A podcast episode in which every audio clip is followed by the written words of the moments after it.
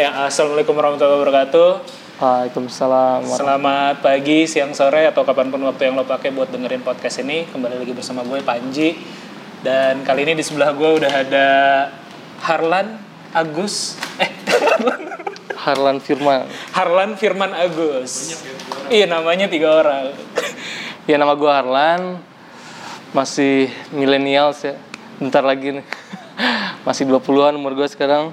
Jadi gue Millennials tuh bukan umur. Iya kan sama aja Pak. Kan Masih di bawah 30. masih di bawah 30. Masih under masih under 30. Ada rentang ini kan, rentang waktu lahir. Sebelum bulan depan umur gue 30 nih masih bisa klaim dulu. under under 30, 30, bisnisnya under 30. ya, bisnisnya udah banyak banget ya Alhamdulillah masih proses.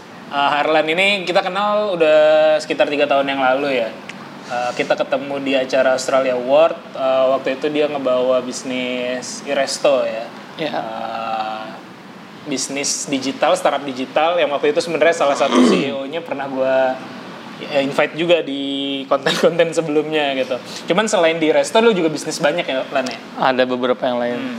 apa aja tuh Jadi ya core bisnis kita tetap masih di digital karena gue kuliahnya di IT kebetulan di Telkom. Jadi dulu bareng eh, sama teman-teman yang lain bikin startup IT. Cuma kan kemarin dua kita ketemu 2017 berarti ya pas di Australia. Cuma kan setahun habis Australia gue cabut ke Amerika tuh gue pindah Hmm. dua tahun kurang lebih di sana.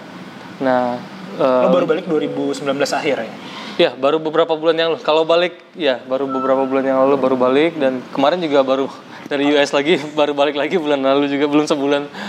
Nah, jadi kan kemarin kalau Yuresto udah dihandle nih sama eh, founder yang lain, sama Emil. Jadi gua harus cari cara juga nih biar bisa tetap aktif lah daripada bengong kan.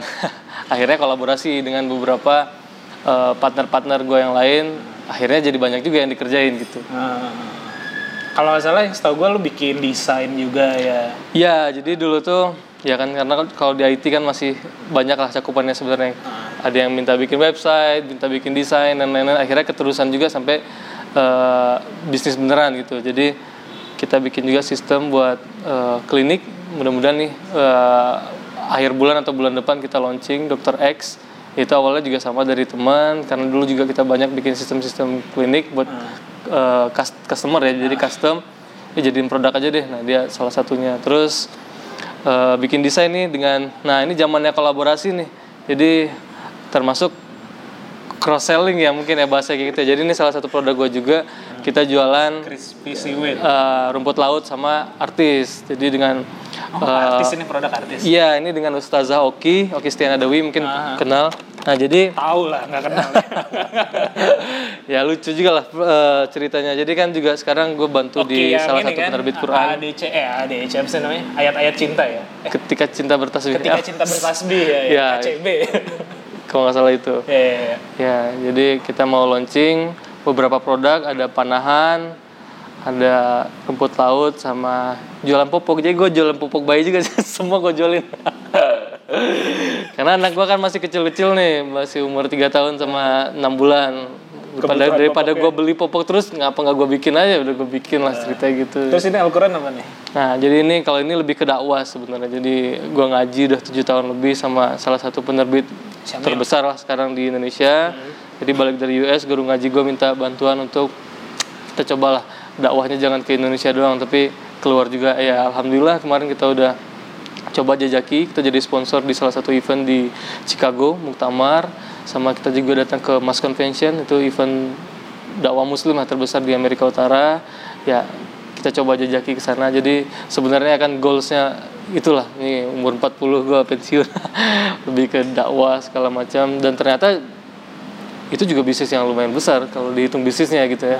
Jauh malah lebih besar daripada unicorn-unicorn yang di Indonesia. Iya, iya, iya. Pagi cuma valuasi ini cash. Iya, iya. Kayak gitu. Pasti sih sebenarnya. Nah, sebenarnya kalau yang gue sorotin lo kan sebenarnya hustler banget lah. Lo apa ya, bisnismen banget, jualan lah ya. Lo lo ju- jualan banget lah. Di ketika di digital pun di resto lo kan jualan kan. Iya. Jualan dan networking kan Iya. sebagian besar kerjaan lo. Di sini juga gitu. Di apa ya di produk-produk ini lo lebih kolaborasi, lo yang bantuin jualan, marketing dan segala macam. Di Xiaomil juga gitu kan. lo Yes. ke penjajakan partnership dan jualan juga gitu. Nah sebenarnya gitu. apa dasarnya ketika lo lo lebih berat ke situ? Lo kan kuliah IT kan? Nah, Informatika jadi gitu kan. ceritanya tuh unik juga nih. Ehm, jadi di IT itu kan ada banyak banyak penjurusan lah ya. Hmm. Jadi ada yang misalkan kayak eh, email yang di resto sekarang eh, lebih ke desain sebenarnya awalnya backgroundnya. Nah, ada yang ke programming, database dan lain-lain. Nah, kalau gue network engineer sebenarnya. Jadi Network networking real. Tapi network engineer kan Iya, apa ngurusin router, jaringan. ngurusin ya dan lain-lain lah. Nah, cuma kan masalahnya itu nggak bisa berkembang di Indonesia karena kalau lu harus apa berkarya di sana harus profesional. Jadi gabung ya mungkin ke Cisco company atau Ah, ke iya, telco dan lain-lain. Nah, cuma kan ini kita dulu tuh backgroundnya dari dari anak-anak Mapala lah. Jadi jiwa bertualangnya agak lebih tinggi. Jadi malas gitu masuk uh, kat- perkantoran kayak gitu. Jadi akhirnya masuk ke networking beneran. Jadi network yang bisnis sekarang. Jadi kalau network engineer tapi masih re- masih related sebenarnya. Jadi kayak awal-awal kita ngebangun bisnis yang apa eh, digital kayak Iresto aja misalkan ya. Masih awal-awal tuh gue ke klien masih gunting-guntingin kabel krimping-krimping masih masang router wifi setting jaringan dan lain-lain nah kayak gitu. Nah kalau sekarang ya alhamdulillah udah ada tim yang handle kayak gitu. Jadi memang banyaknya sekarang di networking. Jadi itu tuh mulainya gede mungkin pas tujuh tahun lalu tuh 2012 jadi itu salah satu apa ya peak point lah mungkin ya atau bisa disebut ya lompatan yang paling luar biasa. Dulu saat itu kita jadi pemenang jadi juara satu wirausaha mandiri untuk kategori kategori kreatif dan inovatif. Nah di situ gua Iresto ini. untuk uh, newbie dulu. Jadi itu kan Oh, oke. yang salah satu ya software house lah mungkin bisa dibilang kayak gitu ya. Jadi uh, apa namanya nggak banyak dulu. Jadi ya zaman itu belum banyak lah yang pada bikin startup startup itu termasuk yang unik. Nah pas kebetulan juga kita dijadikan ambasador sama bank mandirinya. Jadi ya muka gua dipajang di mana-mana majalah koran flyer iklan TV dan ya gitu loh. Jadi akhirnya orang banyak yang tahu dan ya pakai juga beberapa jasa kita. Akhirnya dari situ mulai banyak ngebangun networking yang sampai sekarang alhamdulillah masih Jadi proses lo menuju sini sebenarnya lebih banyak karena karena kebetulan nyemplung di dunia bisnis, lalu namanya terangkat dan mau nggak mau lo eh, ber- bergeser gitu ya. Jadi, jadi. Ya ya jadi karena kan ya di perusahaan kita semuanya engineer lah. Iya, semuanya anak teknik gitu. Tapi tetap kan kalau untuk bagi peran. engineer semua nggak bisa kan. Jadi kalau semuanya ngurusin produk nggak ada nih yang ngurusin bisnis. Nah akhirnya kita bagi tugas gue yang karena terlanjur kecemplung ke situ akhirnya akhirnya belajar bisnis dan Kalau keluarga lo networking, sendiri eh, ada yang bisnis sebelumnya. di keluarga gue baru kan nih kalau nggak salah. iya gue orang Padang eh, lahir di Sumatera Barat tapi besar di Riau Keluarga masih di Riau. jadi ya di Riau keluarga orang tua segala macam backgroundnya ya keluarga gue dari perminyakan Oh. ya oil company lah jadi nggak ada satupun yang berbisnis dan nggak ada satupun yang di dunia IT Anak jadi satu-satunya lo. gue anak lima bersaudara gue anak kedua gitu Dan kakak adik juga nggak ada yang bisnis. nggak ada yang bisnis. Baru baru gue doang doang. yang keluar dari track gitu. iya jadi ya panjang lah ceritanya. Kurang lebih kayak gitu. Jadi kan biasalah anak-anak dari oil kayak gue dulu waktu SMA itu kita sekelas kurang lebih 30-an orang. Itu sekitar 20-an anaknya masuk ITB semua tuh. Perminyakan geologi geodesi dan lain-lain. SMA berapa? SMA? SMA Cendana. Jadi itu SMA dari Chevron. Yaitu perusahaan oil Oh, terbesar lah. Chevron. Ya di subcon ya di sana. Nah jadi ya mostly udah pindah semua tuh ke situ ke ITB gue juga dulu daftar ITB ternyata masuknya Telkom. Ya akhirnya tersesat di jalan yang benar lah sekarang karena sekarang oil juga lagi waduh terjun Iya, bebas. Turun-turun marah ya. lagi ya udah takdirnya mungkin. Nah, ketika lo masuk situ, eh, masuk Telkom, terus ketika lo lulus, eh, karena keluarga lo adalah sebagian besar karyawan lah ibaratnya, ya profesional ya profesional gitu, bekerja secara profesional gitu. Eh, ketika lo lulus, lo langsung bikin bisnis atau lo awalnya sempat kerja dulu atau bagaimana? enggak enggak sempat kerja jadi Lo lulus langsung 2012 2012. di gua angkatan 2008 2012 awal tuh gua udah lulus 2011 akhir lah jadi ya Gue 2006 lulus 2011. ya gua pengecualian lah jadi ya lulusnya alhamdulillah waktu itu tiga setengah tahun ya itu juga bukan karena pinter gitu ya tapi karena kesel sebenarnya Jadi waktu tahun pertama itu eh gue sampai masuk ruang konseling gitu. Karena di kampus. IPK-nya cuma ya dua setengah, kacau lah pokoknya udah pilihannya lu lanjut kuliah sini pindah jurus at- pindah jurusan atau atau, atau lu lulus cepet nih. Karena gua nggak suka IT kan awalnya basicnya. Karena ya kita anak kampung lah dari Duri. Mungkin kalau orang yang nggak nggak tahu perminyakan itu nggak tahu pasti kota Duri. Kota Duri itu kota yang kaya lah. Eh, udah kayak Amerika lah dalamnya. Kurang lebih kayak gitu. Jadi ya gue pilih lulus secepat-cepat gue paksain lah kayak gitu ceritanya. Jadi lulus, eh, biasalah kan orang tua suruh balik nih Ah. kerja di oil segala macam. Tapi ya karena basicnya mungkin orang Padang ya harus merantau. Merantau ya kalau kata nyokap gue udah sana aja lah eh, cari apa yang bisa dikerjain. Akhirnya setup ya bikin perusahaan. Ya awalnya sebenarnya mungkin sedikit agak klise ya atau ada ideologi lah anak bem kan gue dulu aktivis segala macam ya kan. Biasanya Ini, Tri- presiden. tridharma perguruan apa per- perguruan tinggi itu kan biasanya kan apa aja tuh coba? Pengabdian masyarakat, nah itu kan yang terakhir yang Iya. biasanya orang hilang kan biasanya kan pendidikan penelitian. penelitian pengabdian masyarakat. Nah biasanya ini habis pendidikan kan kuliah tuh tiga tahun 4 tahun lima tahun bikin penelitian riset tesis disertasi segala macam. Udah selesai. Bawa ijazah ke mana mana lamar kerja. Nah pengabdian masyarakat nih hilang nih nah gua dulu mengkampanyekan itu kayak agak apa ya, dilema tuh kalau gua wah gua dulu anak mahasiswa kayak gini masa gua juga harus ikut ikutan bawa ijazah masuk job fair dan lain-lain. Nah, alhamdulillah nggak bakat gue di situ jadi nggak pernah gue ikutan job fair. Ya goalsnya pengen buka lapangan kerjaan lah dulu. At least gue juga nggak nyusahin orang lain lah ikut ikutan demo mana lapangan kerjaan. Ya at least gue nggak nyusahin pemerintah juga gue cari kerjaan sendiri. Ah. ya kita bikin itu alhamdulillah tercapai juga sih. Berarti dari lulus udah langsung bisnis lah ibaratnya. Langsung. apa pun lah ya waktu itu lo ngerjain apa pun. Apa aja- apa kita apa aja kerjain? yang lo, lo kerjain waktu pertama kali? jadi awal awalnya tuh Kan gak enak, setelah lulus gak enak minta sama ortu kan iya masih jadi jadi sebenarnya dari sebelum lulus juga gue udah mandiri. Iya, karena merantau kan, jadi kita udah banyak yang dikerjain lah bisnis, mulai dari konveksi segala macam lah sampai akhirnya yang bener-bener di IT. Jadi mulai dari beberapa project dulu dari Telkom, akhirnya keterusan, keterusan, keterusan itu sampai sampai sekarang. Nah, berarti waktu lo lulus itu kan sebenarnya lebih Cuma ya cuma dulu banyaknya kan karena backgroundnya riset ya, jadi kita tuh banyak riset riset apa ya? lah ya. Ah, jadi nggak sempet jadi produk yang bener-bener dipakai orang laku. Karena sebenarnya goalnya juga dulu nggak ke situ. Jadi kayak dulu kita bikin inovasi banyak di dunia kesehatan, bikin something yang new gitu, yang orang belum pernah bayangkan, pernah, pernah bikin Kita inovasi lah zamannya itu ya, ikut lomba-lomba, kompetisi dan lain-lain. Nah dulu awalnya situ pengen pengen menang lomba aja dulu awalnya kan, karena nggak ada kepikiran, ke- kepikiran bisnis. Akhirnya kita bikin sesuatu yang cukup heboh dulu eh, untuk di dunia telemedicine kita bikin untuk eh, rumah sakit ya khususnya jantung waktu itu untuk Aorta Life nama aplikasinya kita buat sampai kita menang eh, lomba dan kita dikirim ke Silicon Valley itu 2013 ya enam tahun lalu. Enam tahun tujuh tahun lalu ya.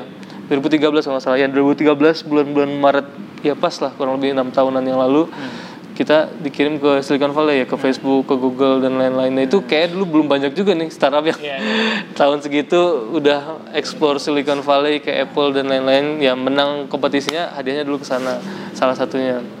Kayak gitu jadi tapi ya itu terlalu jauh yang kita bikin. Jadi ibarat terlalu canggih lah atau juga mungkin mungkin Tidak sesuai dengan market bukan terlalu canggih juga.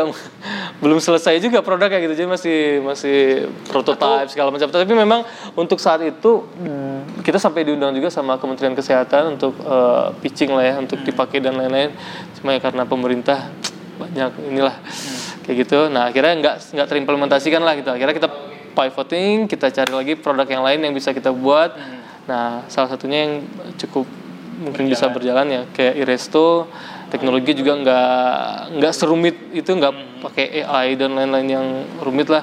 Dan masyarakat mulai menerima gitu. Jadi kan kayak zaman dulu tuh kayak e-commerce aja orang belanja online takut kan ya. Sekarang semua orang kayaknya udah belanja online. belanja online gampang. Gue aja dulu pertama kali belanja online tuh beli iPhone tuh. Hmm. inget banget gue iPhone 3GS gue beli di Kaskus dan sampai sekarang nggak sampai-sampai barangnya ketipu itu sampai buat gue trauma bertahun-tahun ya sampai Iya, ada kan tiga FJB ya Kaskus sampai ya. masih pakai rekber rekber sampai tiga empat tahun gue nggak mau lagi belanja online Temen lagi. gue banyak sih yang nipu-nipu Wah. sih, yang nipu.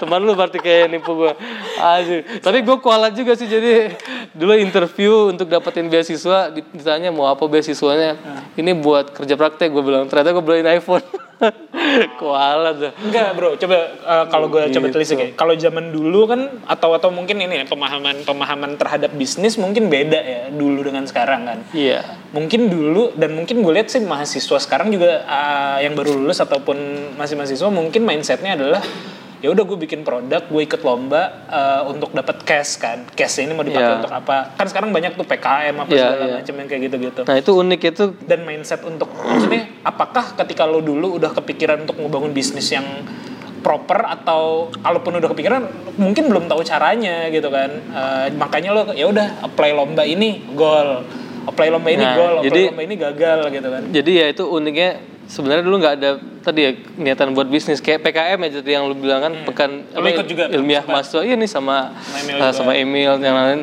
Dan menariknya cuy selama kuliah gue ikutan semua lomba yang bisa gue ikutin nggak ada satupun yang menang. Gagal semua. Ikut PKM ini wah banyak lah sampai yang udah hopeless tuh. Udah ikut lomba PKM karya tulis aja lah. Nggak usah bikin bikin something produk atau jualan makanan. Nggak lolos juga. Aduh itu sampai anjir apa nggak bakat gue. Tapi akhirnya pas lulus kuliah apa pun yang kita ikutin menang. hampir semuanya insya Allah kita bawa pulang. Ya dapat rewardnya lah ya Ah. dapat sesuatu. Iya apa apa kayak gitu menurut lo kayak gitu nggak sih? Kalau dulu mungkin momennya pas ya kalau sekarang kayaknya juga udah mulai berkurang eh, maksudnya dulu momennya pas tuh apa? Jadi kalau dulu karena mulai untuk yang inovasi ya, jadi kayak hampir semua instansi itu bikin hal yang sama gitu, ngerti nggak lo? Oke. Jadi kayak Kementerian eh, Informatika bikin lomba Inaikta, Kementerian Perindustrian bikin Inkrevest, Kementerian ini bikin bikin semua, Bank Mandiri bikin in- Wirausaha Mandiri, wah semua lah, Telkom bikin Telkom Indigo, jadi se- semua instansi pada bikin lomba IT. Dan waktu itu pemain nggak banyak, kita kita aja orang jadi kayak ketemu temen tuh ya lu lagi lu lagi gitu. Kadang gantian dia juara satu, gue juara dua, gue juara satu, dia juara dua, ya gitu. Jadi kayak uh, momennya waktu itu di situ gitu. Nah jadi di situ mungkin awalnya kita mulai. Jadi dari mulai kompetisi-kompetisi tapi akhirnya ada nih yang bisa diterima sama market ya keterusan alhamdulillah itu yang dijadikan bisnis Iya iya. A- atau mungkin juga kalau sekarang itu sebenarnya tetap banyak, cuman udah lebih spesifik nggak sih? Iya bisa Eh, jadi Kalau dulu kan Bank Mandiri buka yang IT tuh hanya salah satu kategori kan. Iya. Lainnya kan kayak kuliner kayak Iya, gitu. Kalau sekarang kan kayaknya hampir nggak ada yang bisnis apa eh, lomba Ih, bisnis tapi kuliner. tapi tetap tetap nggak nggak saya boyan dulu kayaknya jadi kan kalau dulu kayak Shell juga sampai bikin lomba Shell juga masih ada sekarang. Masih ya? Masih ada ya? Iya, Iya, masih gue ya? gue mentor juga di So- situ. soalnya gue ngeliat nggak seheboh dulu kayak Wirausaha Mandiri dulu presiden yang ngasih penghargaannya di JCC segala macam wah itu gede banget lah kalau sekarang kayaknya cuma ya Karena sekedar banget. soalnya ini jadi dulu tuh banyak instansi yang bikin buat branding mereka juga dan itu dari CSR kalau CSR itu kan memang dana yang harus dihabiskan. Iya. 4% kalau nggak salah dari profitnya mereka ah, 2 sampai 4 persen. Kalau sekarang itu udah mulai kurang-kurangin sama pemerintah karena dananya diambil. Jadi itu jadi cost Ah. marketing. Jadi kalau cost atau ini pasti dihemat-hemat kan bikin Iya, iya, eventnya. iya, iya. nggak jor-joran kayak dulu gitu. Berarti kalau kalau menurut lo eh, salah satu cara untuk men- apa menjalankan bisnis dan waktu itu momentumnya adalah ngikut lomba ya. waktu itu. Kalau sekarang mungkin beda lagi caranya. Malah kayak sekarang tuh kita udah Duh ngapain sih ikut-ikutan lomba kayak gini? Anak-anak juga eh, kalau dulu sebenarnya ada ada misinya juga. Jadi lebih ke tadi branding promotion. Jadi kan kalau kita branding sendiri kan mahal ya. Dan kita juga nggak akan ada cost untuk ke sana. Nah dengan cara kita ikut kompetisi kita Menang diliput kan dapat media masuk ya Kompas Tempo segala macam lah dulu. Dan dijadiin cover kan lumayan pas gue cek harganya aja jadi di highlight di sana ya. Wih, sekali tayang 300 juta segala macam. Ya, ibaratnya itu cost marketing yang udah gua jalanin dulu Iya, yang dibayarin sama orang lain lah ibaratnya kayak gitu. Nah, di situ dulu mulai momennya kita cukup di, dikenal lah. Jadi sebenarnya sempat ada momen tadi ya, ma- masih mencari lo sendiri masih mencari bisnis model, mencari masih mencari bisnis Iya. dengan cara ikut lomba ini, ikut lomba Ya, itu. kita Produknya pun beda-beda kan hidup itu ya. hidupnya dari situ ya kita bikin Dari lomba ke lomba kayak gitu. produk ya. macam-macam bikin game apa pun kita bikin lah tergantung lombanya lombanya tentang eh, SAS kita bikin lombanya tentang AI kita bikin ngikutin aja menurut gue itu kan sebenarnya ilmu yang lo nggak di nggak ada yang ngajarin kan begitu Nah. kan. Lo berarti kan mencari peluang aja kan. Mencari Iya. peluang ah ini kayaknya bisa nih digoyang. Ya, karena kan dulu kan kalau ikutan lomba hadiahnya lumayan ya. Jadi ya dari situ hidupnya. Ah. gitu. Samping jadi portofolio untuk yang seterusnya gitu. Karena kan untuk kalau untuk lomba juga kan biasanya juri-jurinya proven lah itu qualify. Jadi wah ini udah menang. Ini kita sampai dikirim juga dulu ke Hong Kong ke Taiwan. Ya zaman-zaman segitu iya, itu udah A- ada momen gak sih lo ngerasa misalnya eh, ketika teman-teman lo yang kerja ataupun ket- eh, lo kan memilih tidak tidak Iya. bekerja secara profesional kayak gitu kan apa tidak bekerja pada orang lah eh, Hmm. membikin venture-nya sendiri gitu ada momen gak sih ketika lo bener-bener itu kan kalau hidup dari lomba tidak stabil ya Iya. ibaratnya ada bisa bulan ini duitnya banyak bulan Iya, ini tidak ada kayak gitu kan lo ada momen gak sih eh eh, ya udah nih kayaknya gue bener-bener mau jalanin ini terus apakah itu karena dapat uang yang banyak banget apa karena ketika lo udah mikir kayaknya bisnis ini yang bisa bisa menghidupi gue nih kayak gitu Iya, jadi sempet ya setahun karena tadi gua by accident lulusnya lebih awal daripada yang lain. Jadi nah teman-teman yang tiga setengah tahun itu kan memang karena mereka bas- basicnya mereka pinter ya, jadi udah langsung terima di perusahaan-perusahaan multinasional segala macam lo gitu. mungkin pinter juga Nah, bro gua ya kan tahun. ya to be honest kalau dulu gue ikut apply Samsung ikut ke Google pasti gue ditolak nih karena dari eh, apa yang mereka butuhkan waktu itu banyaknya programming karena gue network engineer jadi bukan bukan fully programmer lah. Walaupun ya kalau suruh programming bahasanya bisa dikit lah. harus bisa kan tapi pas sebatas kuliah doang. Kalau nggak kan lu nggak lulus juga pak. Ya segitu doang maksudnya Iya, nggak explore lebih banyak. Nah jadi gue harus berpikir nih gimana caranya biar gue juga bisa tetap bersaing. Tapi ada momen memang hampir setahun itu gue nggak nggak ngapa-ngapain lah kasarnya jadi Hmm. kayak cuma jadi asisten dosen satu semester dan lain-lain. Jadi sampai dikasihani lah sama teman-teman. Lan lu udah kerja sini aja nih ada lowongan segala Hmm. macam. Wah dulu kan masih ideo- ideologi masih inilah ya jadi masih idealis lah. Hmm. wah enggak cuy gue udah memutuskan kecemplung Nah. ya. sekalian berenang sekalian. Lu jangan tawar-tawarin gue kerja deh ntar lu kerja di perusahaan gue masih ideologi lah padahal idealis lah. Tapi mah, walaupun udah ketar ketir juga aduh ini besok makan gimana segala macam kan. Tapi yakin nah itu pas momen itu pas di kurang lebih setahun itu ya kita menang kompetisi ke Amerika. Nah Yang biasanya lah itu? Oh, bukan bukan. bukan. Yang tadi ada lomba dari ada salah satu perusahaan dari Silicon Valley. Ah. mereka datang ke Bandung kompetisi mobile application. Hmm. kita menang kita hadiahnya dibawa ke sana gitu ke Amerika untuk pitching tapi dapat cash juga nggak ada cashnya waktu itu Oh, jadi lebih ke reward rewardnya di sana lah diterbangin ke sana lah sana gitu Nah, cuma kan biasalah kalau orang Indonesia kan nggak diakui lah bikin apa pun secanggih apa pun lu mau bikin mobil listrik keren-keren juga. Gelar lu panjang juga nggak dihargai lah kecuali tadi oh ini dari luar oh sampai Silicon Valley pas ke balik ke Indonesia baru baru lu dihargai Dilihat lah. lah ya, baru dilihat lah gitu. ya. Nah, pas Oke, balik dari situ Alhamdulillah akhirnya tadi mungkin baru mulai menang macam-macam kompetisi.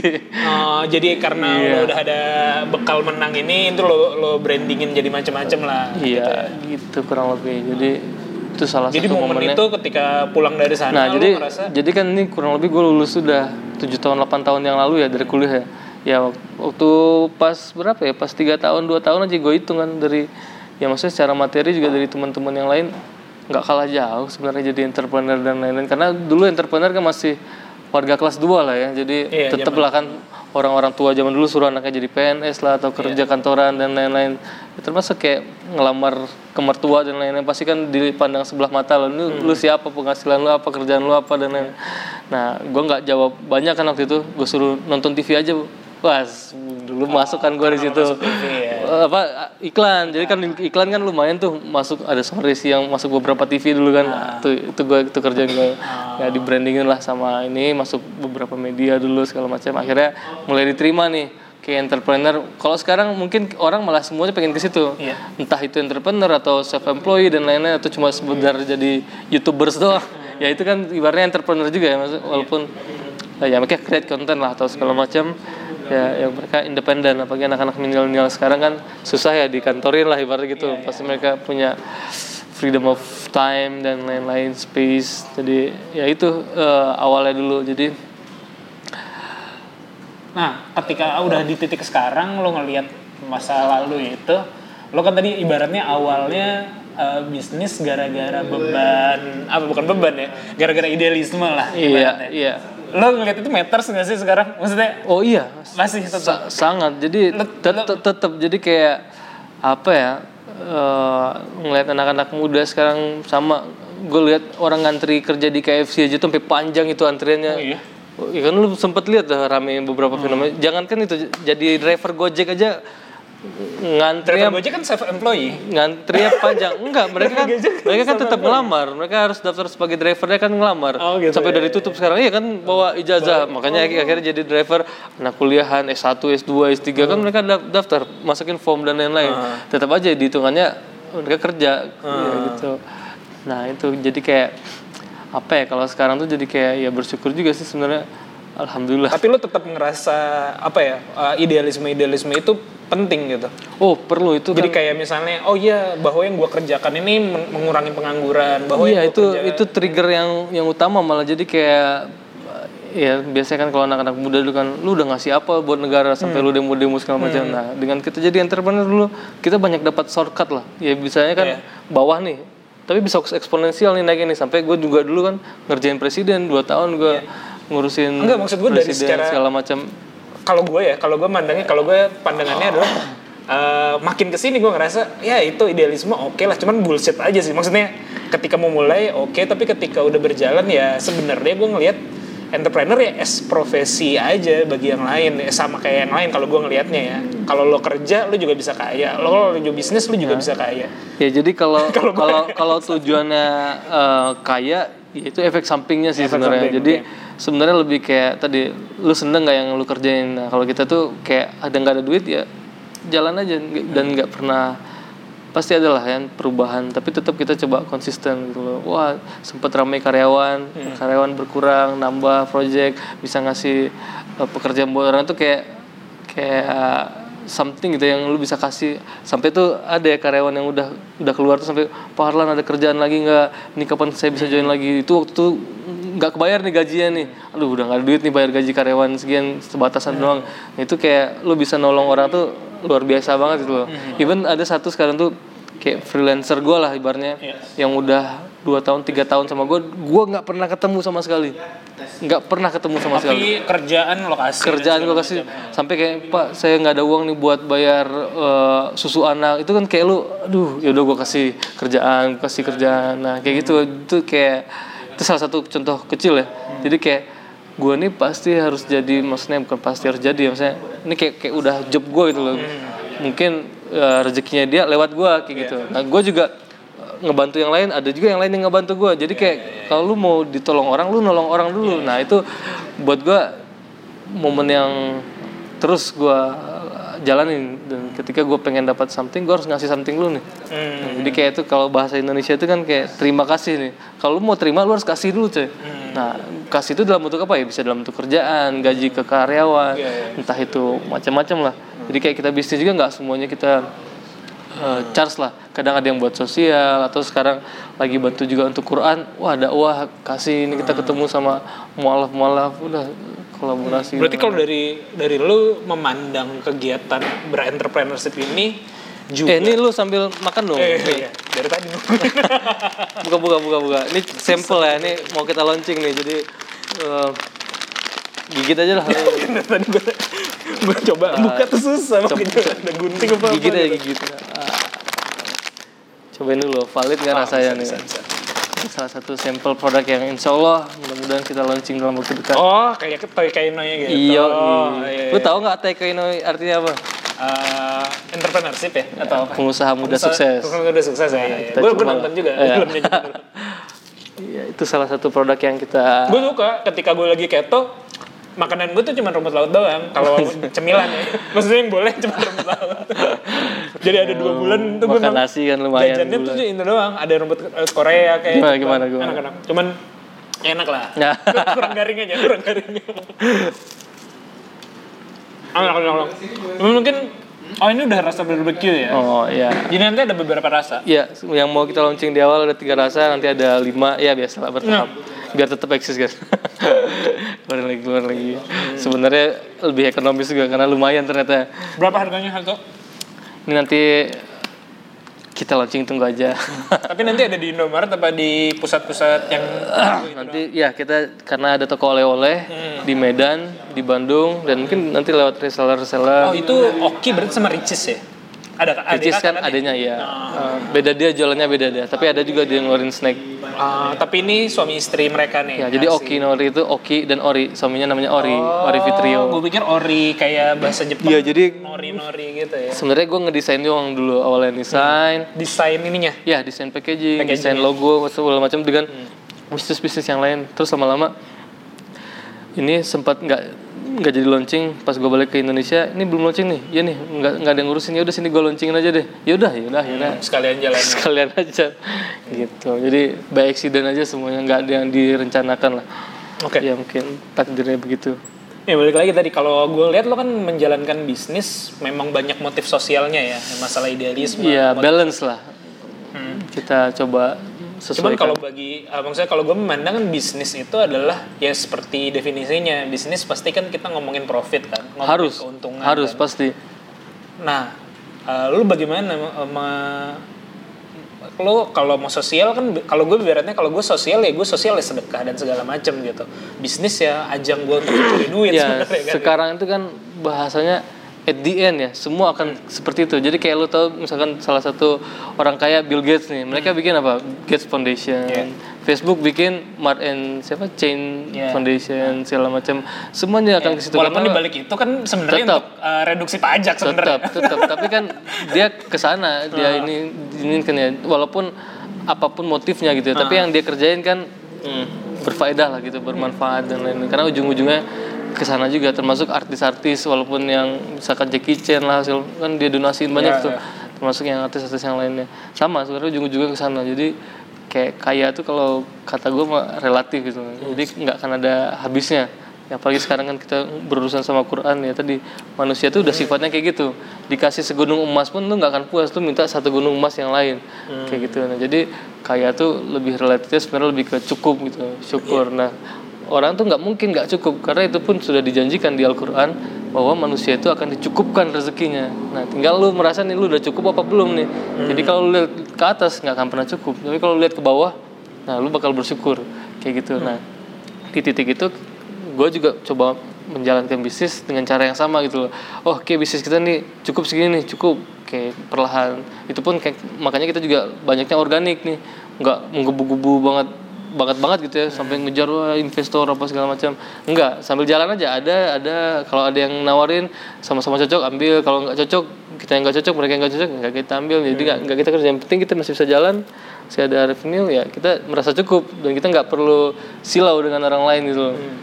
Di situ sih iya, yang maksud gue dalam konteks berbisnisnya kan tentu saja tujuan bisnis kan mencari keuntungan kan. iya pasti. Efek eh, efek dari keuntungan itu misalnya, oh iya gue bisa, maksud gue berarti ketika kalau gue memandangnya eh, eh, bisnis dan sosial itu tidak bisa beriringan sebenarnya.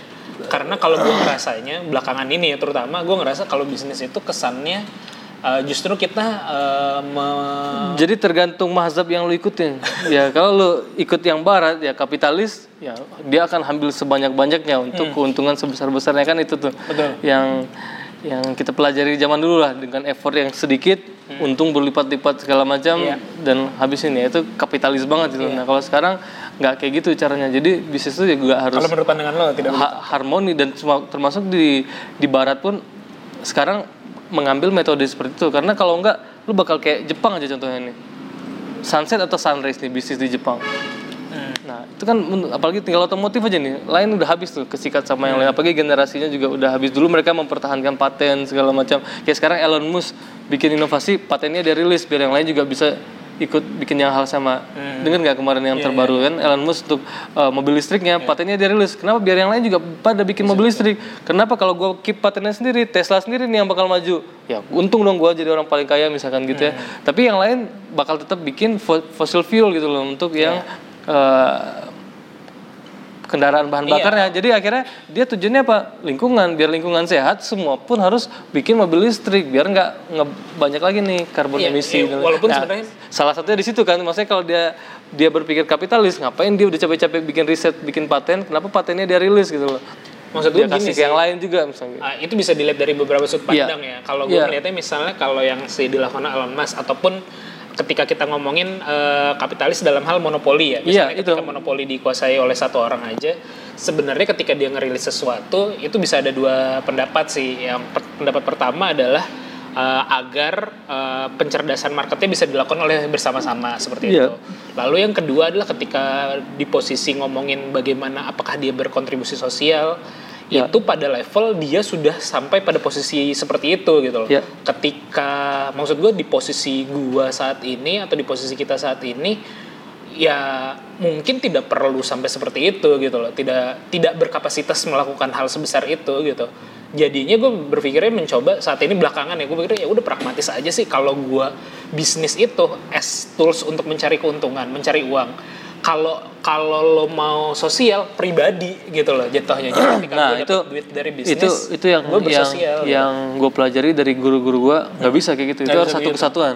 Makanya tuh sebenarnya Soalnya eh, jadi twist bro, kalau gue nggak mandangin jadi kalau pandangan gue ya, Iya, kalau bisnis sosial itu jadinya lo mau mencari uang atau mau mem- memberi dampak gitu loh kalau dari sisi gue Iya, ngeliatnya. jadi itu sebenarnya ada dua ya, Ini ibaratnya- gua ya, enak jadi ya, gua ah, bisa. jadi ada dua akad ya. Jadi entah itu dari awal lu bikin yayasan yang jelas ya social planner ya, itu lu nggak boleh ada profit di sana walaupun cuma boleh untuk operasional doang. Iya. Sempat kita jalankan juga, kita bantu orang-orang disabilitas, bantu ibu-ibu dan lain-lain. Tetap secara bisnis akan berat jadinya kan ya karena Betul. kita nggak boleh ada profit, hanya boleh hanya untuk operasional doang dan akan berat. Nah, tapi setelah yang gue pelajari dari eh, guru-guru gue, termasuk yang sekarang gue gabung ya. Nah, di salah satu perusahaan Quran yang gue jadi salah satu ya eh, pelopor lah di sana untuk yang market internasional kita bikin perusahaan di situ itu caranya beda pak Gimana tuh? Tuh, jadi dengan lu mulai dari sosial juga itu impactnya lebih besar lagi karena apa karena ya ini lebih ke Maksud gue faith ya lebih ke belief ya dan itu iya. proven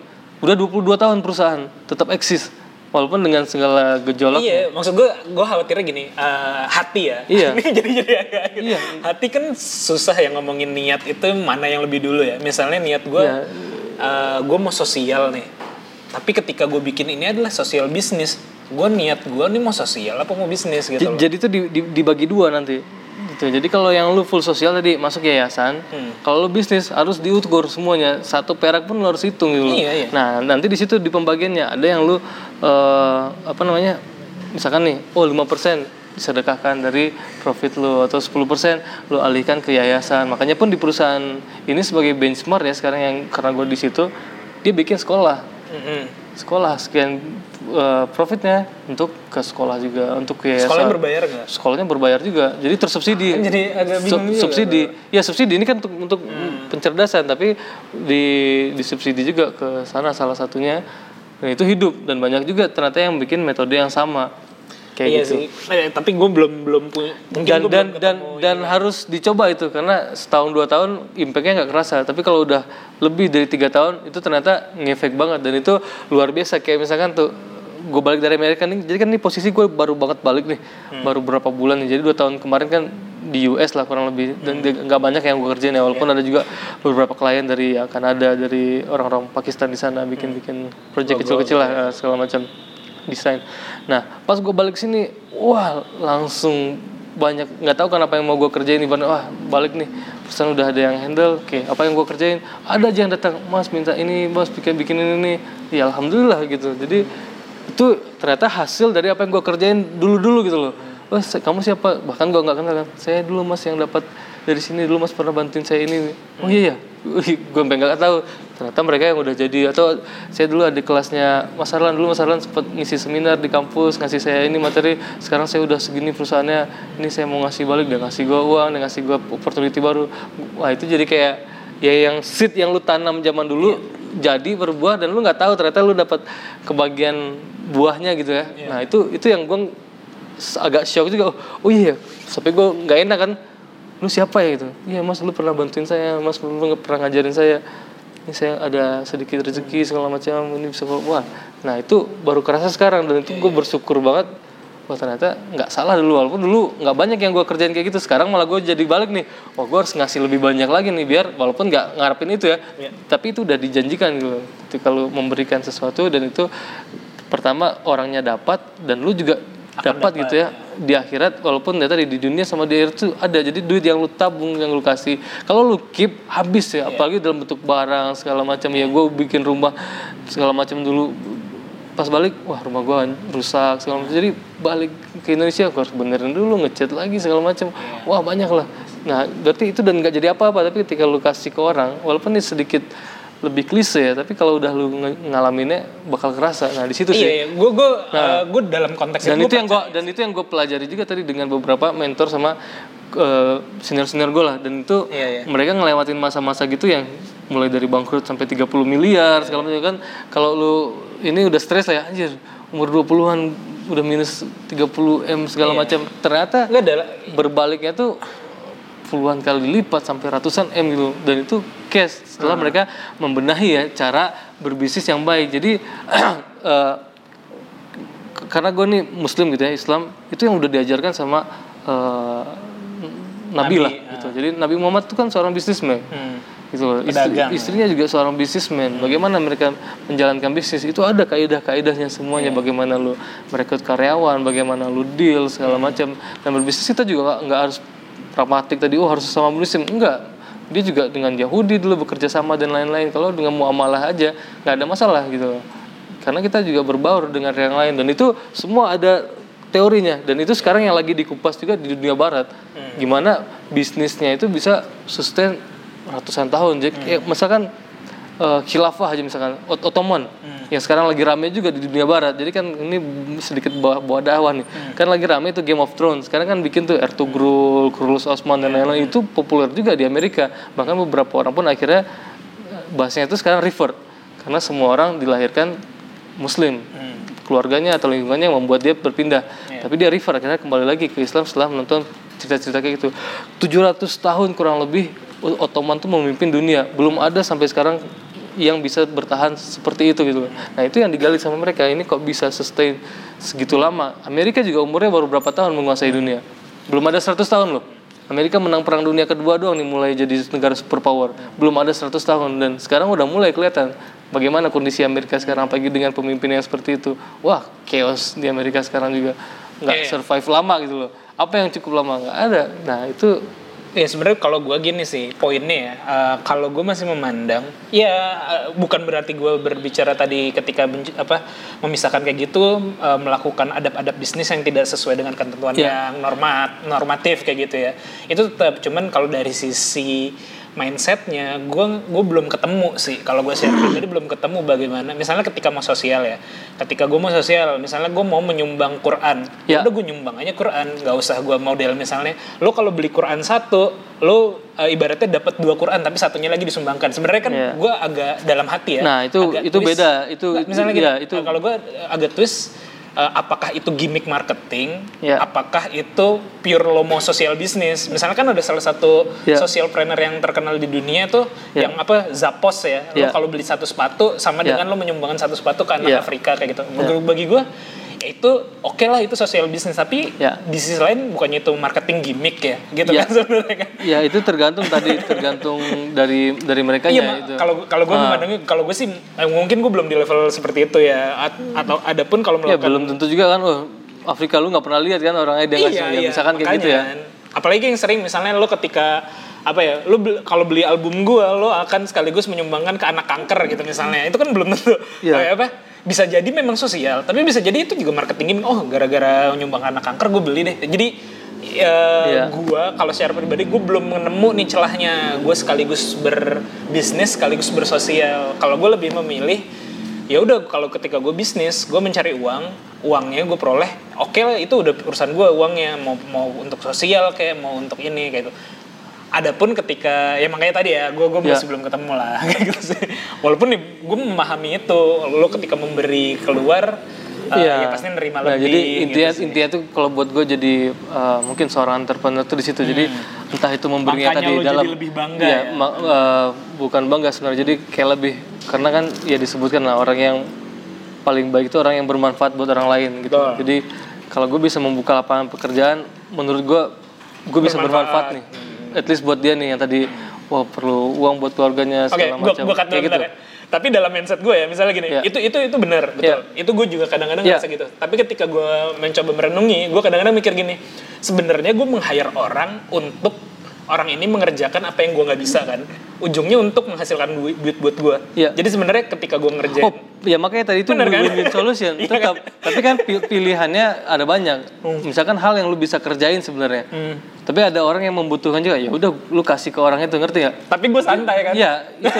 Ya, ya di situ kan. Jadi sebenarnya kalau lu kerjain sendiri, lu bisa dapat semuanya buat lu gitu. Kayak gue nih Iya, bisa iya. restoran ya ngapain gue hire orang buat masang gue pasang sendiri gitu loh. Nah. Terus orang ngurus Tapi kan karena lo nggak mau kan. Nah, bukan karena nggak mau bisa aja, tapi tadi karena ada yang membutuhkan juga di situ kita ngasih nih. Ah. Oh dia jadi punya pekerjaan ya. Kita pun akhirnya bisa mengerjakan yang lain, Iya, yang lebih Urgent gitu misalnya atau gitu. lebih Nah, ngerasa kita lebih Tetap pasti mah membantu semua juga seperti iya, itu gitu. tapi Jadi kan mak- maksud gue mindsetnya bisa ditwist tuh, bisa ditwist dalam artian, oke seolah-olah gue meng-hire orang nih gue sosial, tapi dalam hati gue juga sebenarnya bisa terjadi adalah ya gue meng-hire orang karena gue ya itu males it- ngerjain. itu ter- tergantung tadi niat kan niatnya ke mana dulu nih. Kalau tadi orang Nah. kapitalis banget, oh diambil semua dan itu banyak kejadian tuh di Enggak justru yang sistem ada karyawan dan sistem ada majikan itu adalah sistem kapitalis kan sebenarnya. Jadi kalau kalau mau berbicara bisnis, as per se bisnis saat ini eh, kita menjalankan sistem kapitalis nih karena ada eh, ada orang yang kita hire. Orang yang kita hire itu kan adalah sistem kapitalis sebelum zaman industrialisnya Prancis. Orang tuh self employee semua gitu loh. Bahkan ya. bukan self employee itu slavery itu perbudakan malah ada, sebanyakan ada yang apalagi zaman slavery, ada yang self Iya. employee gitu zaman zaman sebelum peradaban Iya. lah misalnya gitu jadi maksud gua eh, ket- eh, makanya tadi gua agak twist ketika oke lah gue punya idealisme oke gue ngebantu orang. Tapi dari sisi lain adalah sebenarnya gue meng-hire dia bukan untuk membantu dia tapi untuk dia ngebantu gua kan sebenarnya. Jadi gini pak eh, oke lah bro takut Po- enggak point of point of view-nya tergantung dilihat dulu nih. Kayak kebanyakan nih kayak kebanyakan ya orang yang kerja sama gue itu bukan gue yang mencari oh kita open recruitment kita cari. Enggak justru orang yang datang nih. Kang ini saya punya adik nih adik saya baru lulus SMK ada pekerjaan nggak di sana? Sebenarnya di poin itu kita nggak ada pekerjaan buat buat mereka. Oke. tapi oke kita Gua cari- tes kita tes kita hire. Ternyata bagus pekerjaan sekarang ini contohnya nih. Iya, iya, ada teman gue lulusan ini kita nggak ada nggak ada job waktu itu kita kasih. Terus ada juga karyawan nih eh, punya pacar. Pacarnya nganterin dia terus segala macam. Kasihan kan lihat "Ka- itu pacar kamu Belum kerja di mana? Gawean." nggak ada kerjaan. Yaudahlah sini kerja di sini aja lah gue cari-cari kerjaan yang buat bisa ngebantu. Nah iya, kayak gitu Kalau mostly kebanyakan iya. kayak gitu yang udah-udah ada gitu. Loh jadi kayak kemarin tuh kita nggak ada bisnis Nah. ngedesain. Terus ya gue biasanya bikin sketch doang. Desainer datang lagi pak saya nggak ada uang. Ada Nah. kerjaan nggak nggak ada kerjaan nih. Ya udah gue cari cuy ada yang butuh desainnya ada nih udah gue kasih Nah. gue bypass segala macam. Walaupun tetap kan kita manage profesional ya pasti ada Iya, iya, pembagiannya juga. Iya sih Gitu, iya, iya. jadi- Iya, iya, paham gue paham, paham mindsetnya mindset. Tapi lu paham juga maksud gue Iya, kan kadang. paham. Jadi kayak sekarang nih, misalkan kayak tadi di perusahaan eh, pabrik percetakan Quran, itu sekarang tuh kurang lebih 500 orang.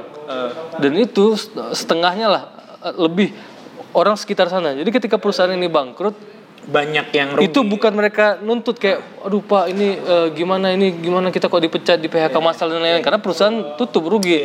Tapi yang ada mereka duduk semuanya, mereka berdoa bersama sampai nangis tuh ya Allah ini selamatkan perusahaan ini agar kami dapat pekerjaan itu sampai ownernya yang eh, which is guru guru ngaji gua, wah ini nggak mau tahu ini semua direksi putar otak gimana caranya nggak mau tahu ini perusahaan harus bangkit. Bertahan. karena kalau nggak ini orang-orang yang udah menggantungkan hidupnya di sini Iya. bisa. Karena ka- kalau dari itu nggak semuanya kayak gitu jadi setengah tuh keluar tuh. Hmm. owner direksi dan lain-lain. Tidak sanggup lah. Iya akhirnya ya mereka udah kaya lah ya ibaratnya banyak bisnis lain juga. Udah nih perusahaan bangkrut tutup udah tinggalkan. Tapi yang founder utama nggak bisa. Ini ada ratusan orang yang menggantungkan hidup di sini.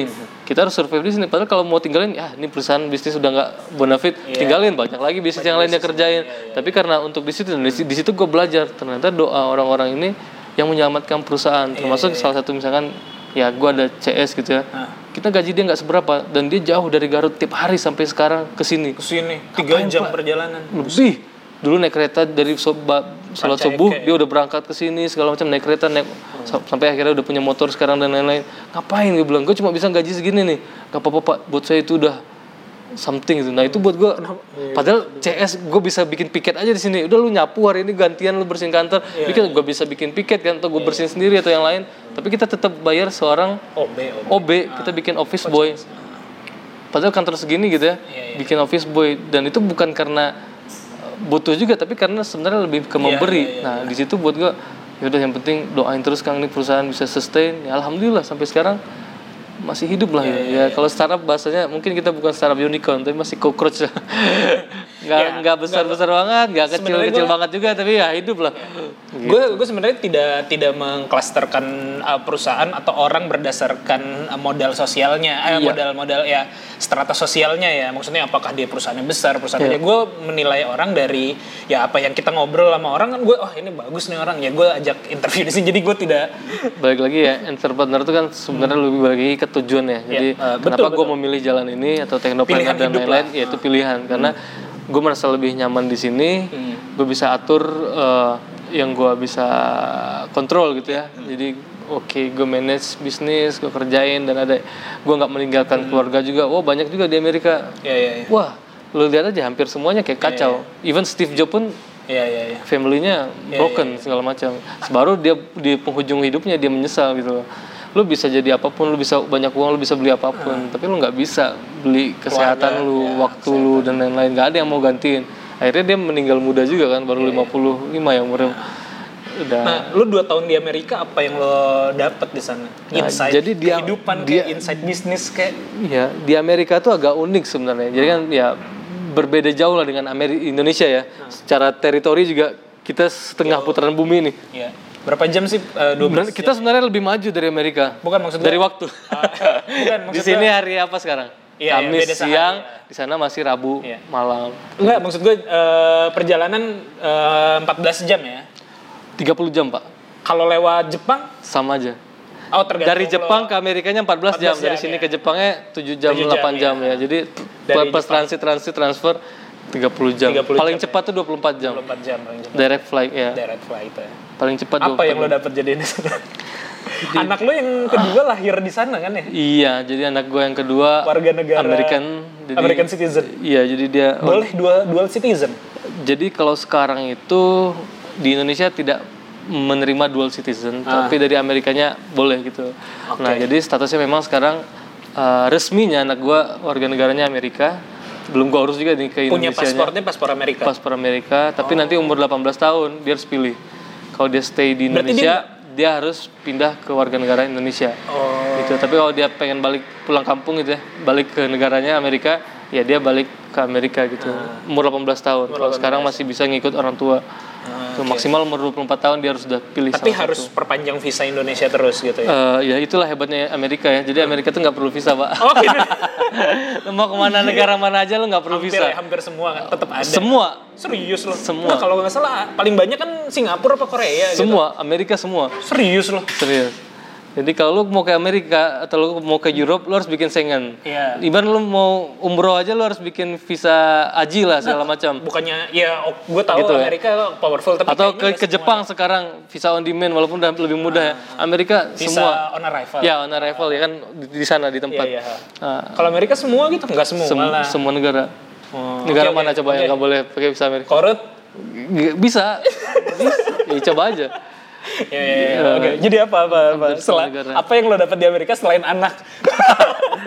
ya itu gift ya itu di luar perencanaan.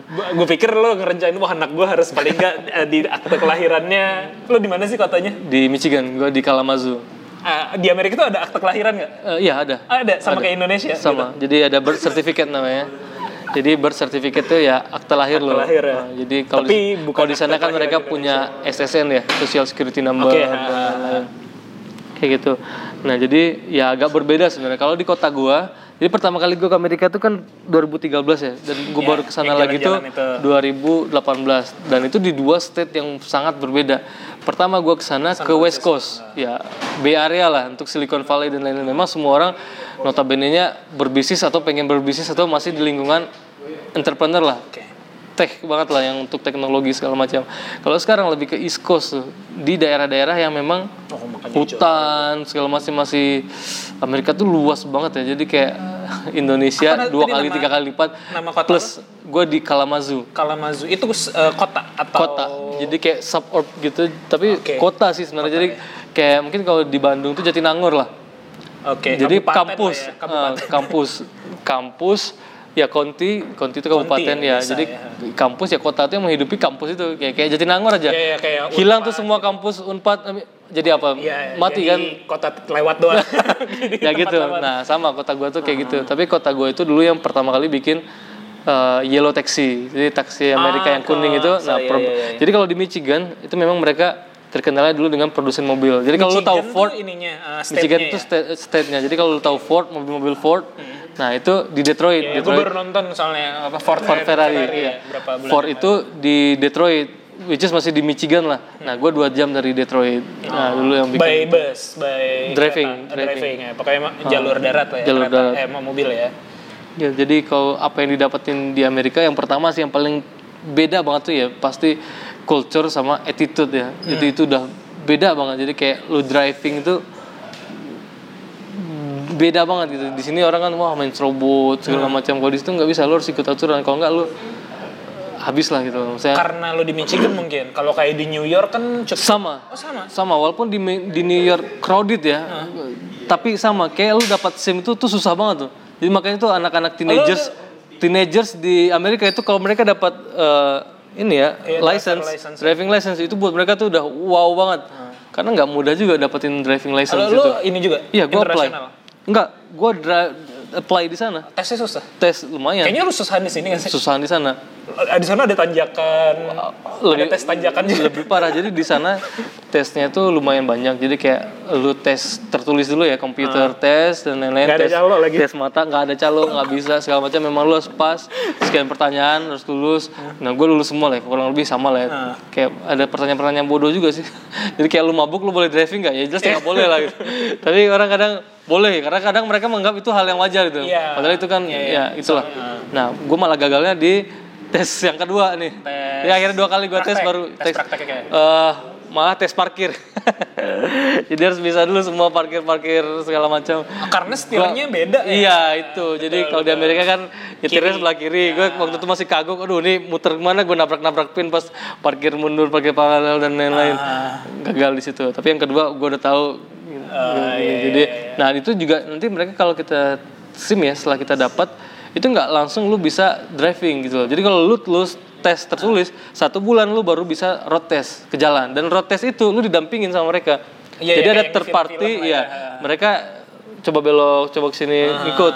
Kalau lewat Ah. Itu speed konsultan. Ah. limit, konsultan itu third party sama dari Hmm. Secretary of State-nya. Nah, kalau dari third party-nya bilang lu qualified, mereka yang ngajuin kalau lu qualified. Baru lu dapat. SIM. Oh, baru dapat SIM. Jadi Oh. nggak mungkin satu bulan minimal. ya, ya. Satu bulan minimal lu gue bisa suka dapat nonton kalau misalnya ada itu didampingi Iya dulu, di, di gitu-gitu tes, ya. di tes lu lulus gak? Kalau lu nggak lulus lu ulang lagi. Dan sekali tes lumayan juga biayanya. Oh, bayar itu. Bayar, Ba- Pak. Kayak di kita juga. Sejuta Sejuta rupiah. 60 dolar. Oh, iya. Kalau Iya. di kita 300 ya, berapa ratus kayak ribu gitu. lah ya. Tapi itu beda ya. Jadi eh, tes komputernya bayar. Bayar? Oh, dua kali bayar. Dua kali Oh. tes. Dua kali tes kan. Jadi, Terus baru nanti dapat. ya Oke. kayak gitu. Jadi lumayan Attitude ya, attitude drivingnya. semua dalam hal apa pun. Dalam hal apa pun. Termasuk misalkan hal yang paling sepele gitu ya. Lu makan di restoran segala macam, lu bersihin sendiri.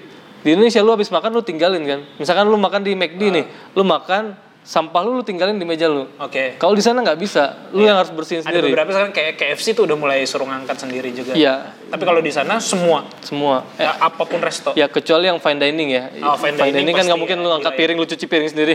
ya nggak mungkin Oh, ya. pokoknya Tapi kalau yang cepat- fast food cepat apa segala ya. macam. Oke.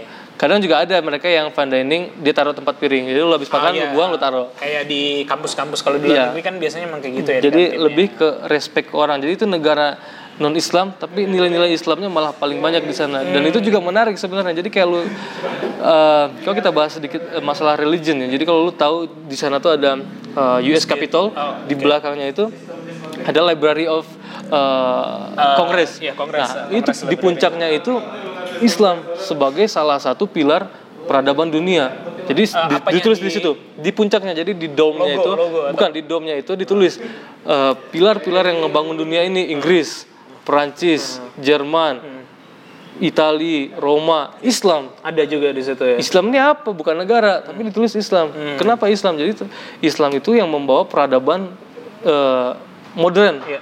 Yang mereka sebut untuk sains, matematika, Iya, iya, iya. astronomi. Karena sebelum Masehi ya, di sebelum tahun sekarang orang masih pakai nulis tuh pakai Rome. Iya, iya. Lu nulis Bahkan satu satu ya. garis garis garis garis V M C gitu-gitu kan. Ya, lu nulis sekarang satu satu triliun. Gimana nulisnya coba? banget ya.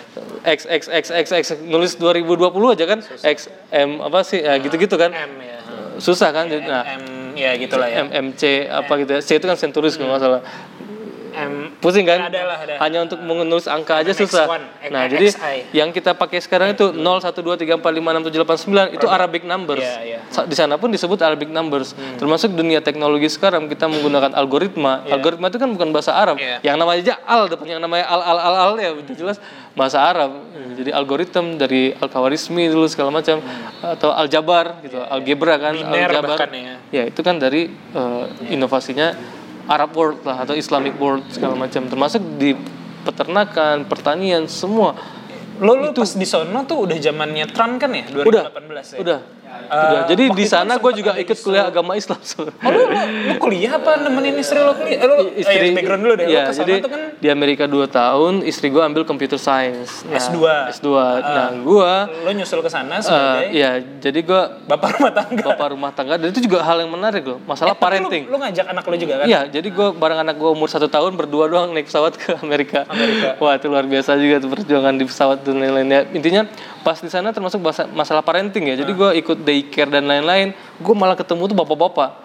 Balik ke Indonesia, gue datang ke playgroup parenting nggak ada satupun gue ketemu bapak-bapak. Jadi teman gue tuh ibu-ibu, nenek-nenek. Siapa ini neneknya? Di Amerika bapak-bapak ngurusin anaknya juga. Walaupun nggak semua, tapi masih banyak. Mas, mayoritas Oh masih pakai topi kayak gini sneakers gimana anak lu bro tatoan tapi dia ya. mayoritas ya. gendong anaknya lah bini lu mana? Wah bini gue kerja katanya. Ya gue yang ngurusin. Ya, itu orang Amerikanya sendiri segala macam. Dan mereka bagi tugas di situ. Iya. jadi peran bapak tuh tetap ada di umur umur segitu. ya. nah, nanti udah anaknya udah gede baru dia kerja lagi dan lain-lain. Nah balik lagi tadi eh, gue karena bosan kan kira gue ke masjid temu imam masjid dan lain ngobrol-ngobrol ternyata imam masjidnya dosen di kampus ya udah gue jadi asisten dosen dia ngajar bahasa ngajar agama Islam ya gue Lo ngajar belajar agama? Enggak, gue belajar. Oh, belajar. Jadi asisten. Ya gue yang siapin berkas, bagi-bagi ini tugas, ngerekamin dia kuliah dan lain- Resmi, resmi atau di bawah dia aja? di bawah dia aja. Oh, di bawah dia Nah, aja. jadi sekalian belajar, sekalian gue jadi asisten karena kan kan siapa lu nih masuk kampus bukan mahasiswa ya gue kuliah. ya juga. rezeki lah ya, lumayan Dan juga kan. Jadi kalau bahas tadi Donald Trump, ya kalau Ada sentimen nggak ke muslim secara keseluruhan atau apalagi ke muslim imigran ya? Bisa dibilang lo kan imigran kan? Iya, jadi itu sebenarnya tergantung state ya. Jadi kalau kayak di state gue tuh termasuk yang eh, enggak gitu. Karena kota gue itu namanya kota Kalamazoo itu sanctuary city. Jadi kalau lu ke kota gue itu banyak lu temuin orang-orang refugee dari Oh, soalnya bahkan- Rohingya, dari Syria, dari Soalnya kota kampus ya. Iya, dan- kota dan kampus itu- pendatang ya. ko- kota refugee itu mereka menampung semua pendatang-pendatang dan mereka dapat kehidupan yang layak di sana. Nah, Di state nih, di Michigan nih? di Michigan eh, juga atau aman? di kota ya Oh, aman. Tidak, Jadi kalau lu googling, lu cari di internet, Arab itu bahasa ketiga di Michigan. Serius? Setelah English, Hispanic, Arab. Ya lu maksudnya jumlahnya, jumlah populasi yang Iya, jadi uh, Arab, Hispanic, Hispanic Arab. Spanyol ya? Iya, Spanyol, Latinos, Eh, Latin. Meksiko Iya. gitu-gitu ya? Nah, Michigan tuh di selatan atau di utara. Amerika Utara, Oh, North America. utara- Ya, utara jadi dingin. timur ya, utara jadi itu timur juga lumayan unik. Setengah tahun lu winter. jadi pertama lu nyampe nemu salju kayak wah salju. Gue baru pertama kali walaupun gue udah ya, berkali-kali, ke Eropa, nah. ke Inggris, ke Australia nggak pernah ketemu salju semua. iya, iya. Pas Amerika ketemu salju kan kayak wow gitu. Ah. Abis itu besoknya wow, sebulan wah, anjir enam bulan beku gua. kayak gitu, jadi kayak mobil lu pernah nggak bisa dibuka dua tuh kali lebaran berarti di sana? Dua kali lebaran. Dua kali lebaran. Empat kali lebaran ya. Eh, dua kali lebaran Idul Fitri ya. Ya dua kali lebaran Idul Fitri itu sampai Nggak pulang loh. Nggak pulang lah. Sampai Enggak. mobil lu setebel nih esnya pak. Kalau salju tuh masih enak lah. Tapi kalau udah black ice, uh ngeri banget. Nah jadi kayak Lu kalau nggak bisa keluar rumah, tetep nggak bisa. Libur Tau- ya Tahun lalu itu puncaknya tuh dalam puluhan tahun terakhir ya berapa 20 atau 30 tahun terakhir polar vortex itu Michigan lebih dingin daripada kutub. serius loh. Ya, minus lu, lu berapa? googling polar vortex. Polar vortex Iya. namanya. Itu sampai minus 50 lebih, minus 50 derajat Celsius. Celsius. Itu sampai lu keluar rumah, lu lihat tangan lu ya langsung Serius? frostbite. Wah, gua ada rekamannya kalau lu mau lihat. Mobil gua tuh sampai nggak bisa dibuka tuh sampai ketutupan es. Kalau ketutupan salju lu masih bisa Iya, kipas-kipas, hilang saljunya ini es nggak bisa dibuka. Gua nunggu 6 jam sampai matahari ada segala macam baru agak mencair, baru gua bisa pecah-pecahin. Eh, Oke. Berarti pas siang pun sebenarnya turun Bisa. salju gitu Iya, ya. Itu wah luar biasa itu Istri sampai lu pas lagi kuliah eh, libur Oh, atau semua libur. semua libur? Oh, Jadi, itu karena dan itu tuh- hitungannya bencana atau apa sih? bencana, Bencana. A- alertnya tuh luar biasa jadi kayak lu misalkan sehari sebelumnya atau beberapa jam sebelumnya tuh udah di remind terus lewat SMS segala macam dapat Suruh nyimpen Nah, makanan gitu, gitu ya.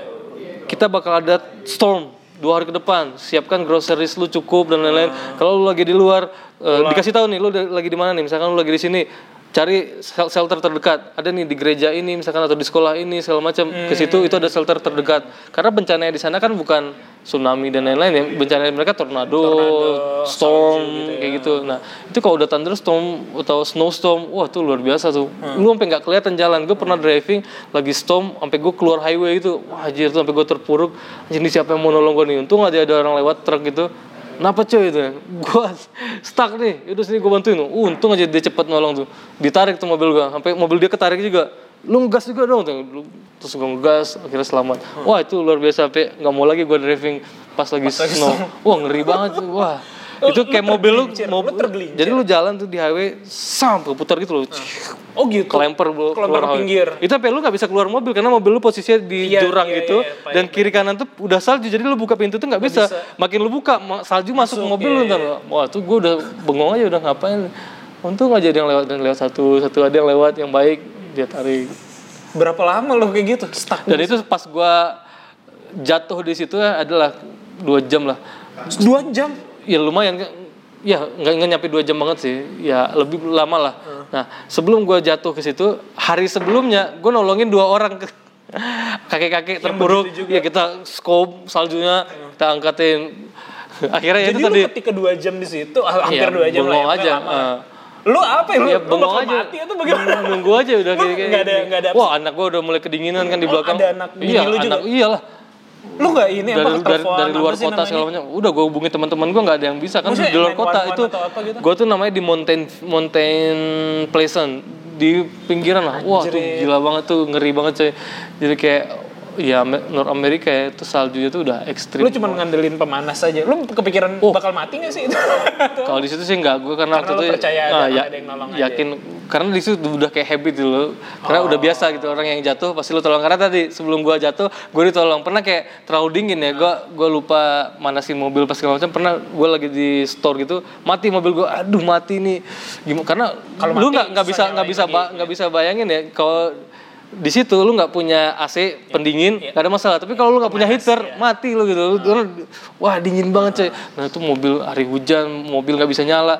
Tiba-tiba dia datang. Nolongin. udah langsung dia keluarin jumper kabel nolongin. Sempat juga pas lagi di pom, juga- pom bensin ada yang mobilnya mati gua habis ngisi bensin. Wah ada, udah gua merapat Gantian. butuh bantuan bro. Iya gantian. Lu nolongin orang. Ya itu udah hal yang biasa. Dan itu yang Itu udah gua- jadi kayak makanya tadi lo bilang Iya. attitude-nya Iya. lebih better mungkin begitu ya. di situ jadi kayak tadi ya makan. Terus kayak misalkan lu masuk mall lu buka pintu lu tahan pintunya kan orang berikutnya dan lain-lain. Udah lewat. At least thank you sorry. Hal kayak gitu Iya, iya. di Indonesia gua rasa malah yang dikenal ramah tapi Indonesia itu memang orang yang ramah. Tapi buat orang asing. Iya. buat orang asing Indonesia pasti ramah. Yes mister. Segala macam. Tapi se- ke sesama mereka aduh susah Iya. susah. Kenapa menurut susah di jalan aja sampai serobot segala macam dan lain-lain. Jadi kalau ada persimpangan jalan di sana kita driving ya dan nggak ada lampu merah lu nggak akan pernah nemu traffic jam di situ. Karena orang satu jalan satu lagi. Jadi first in first out. Siapa yang nyampe duluan dia jalan duluan. Kalau di sini nggak satu yang udah jalan semua pasti ngekor tuh. Semua sampai habis lu nggak tahu.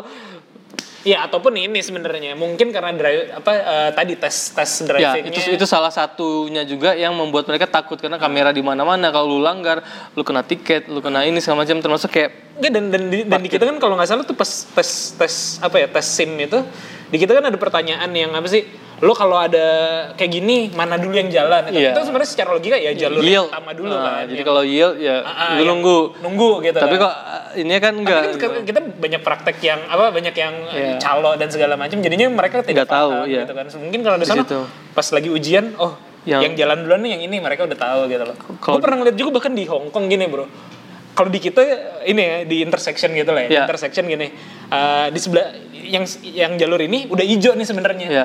cuman di sini lagi macet Ya. kalau di kita kan eh, oh udah hijau gue jalan nih Iya.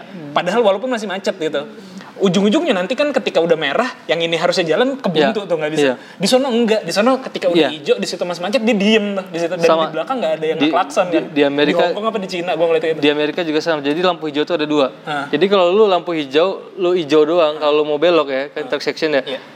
Hijau doang nggak bisa. Lu stop dulu. Kalau di depan masih ada lawan.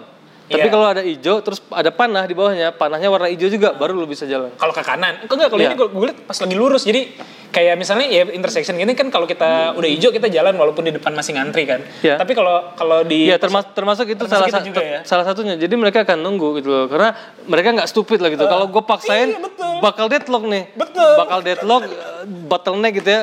Deadlock bukan mempercepat malah kita sama-sama stuck gitu Stuck kan. semua di Iya kalau di kita anjing Iya. gue kesel banget kalau ada kayak gitu IMS kan. lewat apa ya? IMS tuh ambulan lah.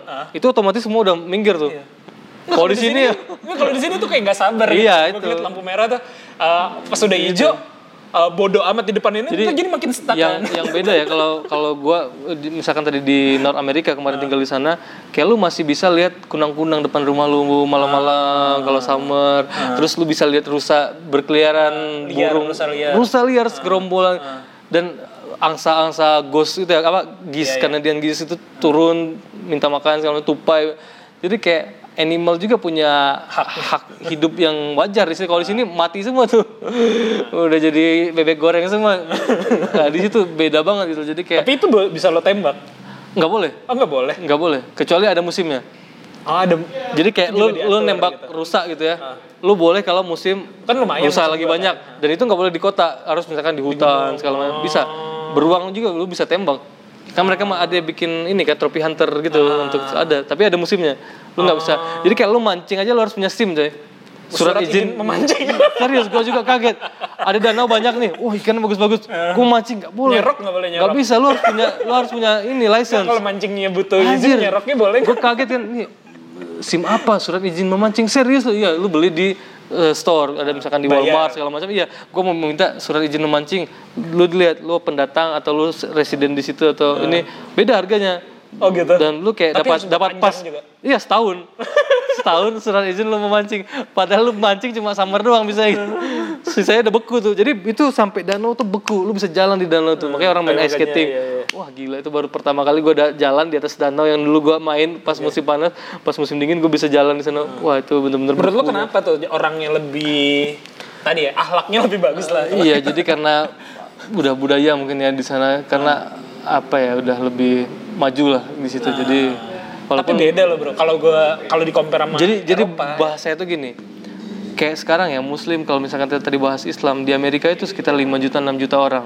oh banyak juga. Total penduduk banyak sih Amerika. total penduduk itu 400 orang jadi 400 sat- juta. eh, 400 juta orang sekitar 2 persen lah nggak nyampe 2 persen ya hampir ah, katakanlah 2 Tapi persen gede juga lah. gede ya, ya sama kayak India aja lu tahu nggak India lu kayak India nih muka lu Miliar, India berapa orang Muslim tahu. tahu nggak lu Eh Pakistan kan yang banyak kan? bukan bukan Pakistan beda negara India berapa coba tebak Nggak tahu.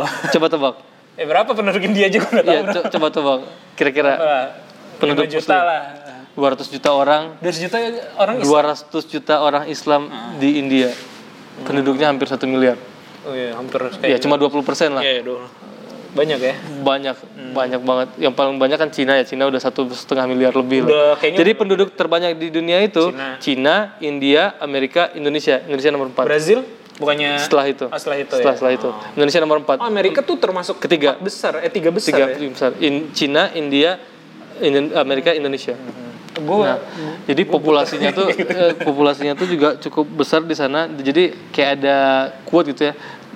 Kiamat tuh belum bakal terjadi kalau belum matahari terbit dari barat. barat. Nah, Nah, sekarang kayaknya bukan kuat deh, Iya, hadis ya. ya kayak gitulah maksudnya.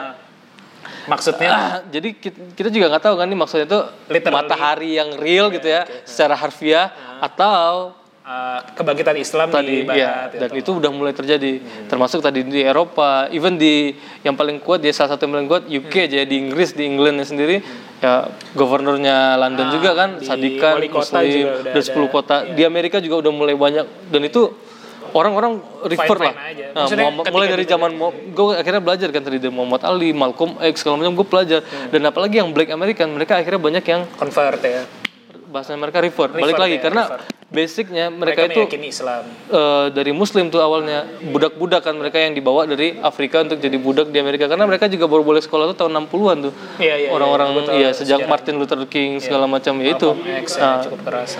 akhirnya itu mulai rapper-rapper pada akhirnya bersuara lagi Nah, tapi gue lihat tuh budayanya beda kalau di Eropa tuh. jadi kalau orang yang kayak gitu yang attitude-nya bagus dan Islamnya dapat bukan Islam turunan dan memang memang mereka mencari hasilnya beda ya. dengan Iya, iya, anak kiai cucu kiai di Indonesia dengan habit di sini wah kacau Iya enggak maksud gue tapi masalah attitude-nya tuh beda. Misalnya ngomongin uh, Iya. attitude itu terbentuk gara-gara negara maju.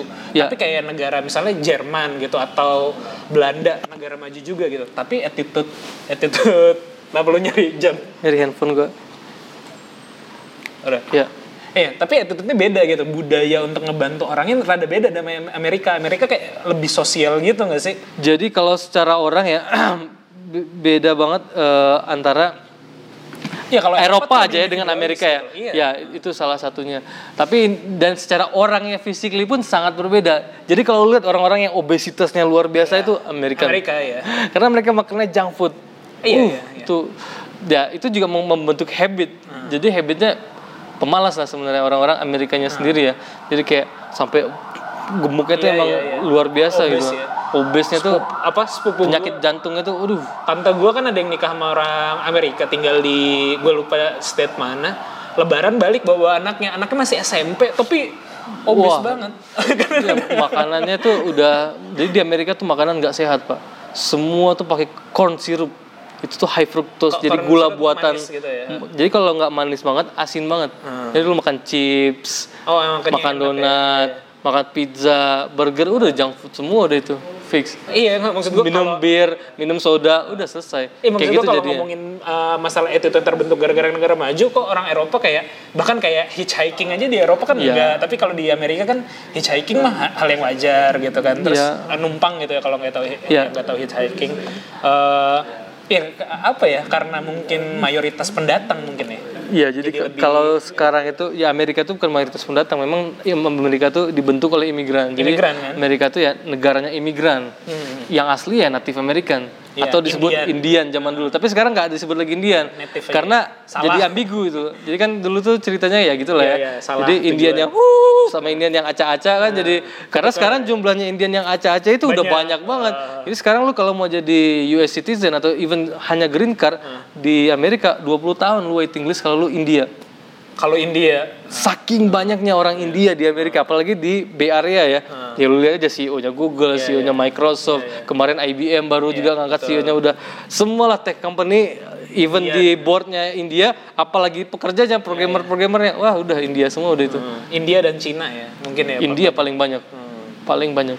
Itu udah kalau ikut event-event conference atau ini IT udah bisa dipastikan misalkan dari lima pembicara empat dari India deh tiga atau empat dari India itu pasti Nah kalau dari sisi bisnis atau bisnis teknologi ya spesifik, uh, apa yang lo dapet dari Jadi kalau di kota gua itu gua kan pasti nyari langsung komunitas ya. Wah, ada komunitas startup kan di Michigan sini tuh dan lain-lain. Western pada banyak. Kalau di kota gue tuh namanya Western Michigan University. Ah, bini lo di situ? Di situ, gue cari nggak ada komunitas startup di situ. Di kota lo? Iya, karena nggak memang nggak populer. Karena memang pekerja semua Lebih di banyak di Iya, Bay Area ya? Iya, di West Coast, ya di Silicon Ya Valley paling lah. nggak kan ke- lo ke- kecium-kecium apa gitu kan? Gue cari nggak ada. Hmm. Paling terdekat Chicago. Which is 3 jam dari kota gue dan aduh effort juga gue ke sana. Hmm. Chicago ada banyak ada hub-hubnya gitu lah buat eh, startup-startup. Kalau di tempat gue kurang. Jadi gue lebih banyak bergaulan dengan daily people lah. Ah. Jadi Kalau ke bisnis people berarti eh, kan kita kalau orang Indonesia bisnis startup atau bisnis teknologi kiblatnya ke Amerika nih misalnya Iya. mayoritas gitu ya, digital gitu. ya kalau teknologi ya. Ah, tapi di Amerika itu tidak menyeluruh di semua area ya bahkan ya. Jadi kayak di state lo, Iya. di kota lo itu Nggak. enggak Enggak. Jadi kalau lu cari startup ya kayak mahasiswa situ baru lulus mereka pada enggak karena nggak nggak nggak semua ke teknologi juga kan mahasiswanya. hmm, Banyak juga ya tadi mahasiswa yang lulusan ekonomi, yang lulusan bahasa, lulusan agama, segala macam. Iya, yang kuliahnya itu ya. tapi di kita pun misalnya anak UIN juga ditanyain pasti mau bikin startup gitu loh. Ya, sekarang kalau di sana nggak semua. Enggak semua ya. Nggak semua. Kayak Jadi kayak di tempat gua tuh petani, pertanian, bahkan ada kota yang masih nggak pakai mobil, pakai kereta kuda. Hmm. Gue juga kaget loh, ini kok banyak kuda di sini. Iya, orang-orangnya masih pakai kereta kuda gitu kayak naik bendi lah apa sih becak kayak apa? Iya, iya, Delman iya, ya, apa sih namanya di sini.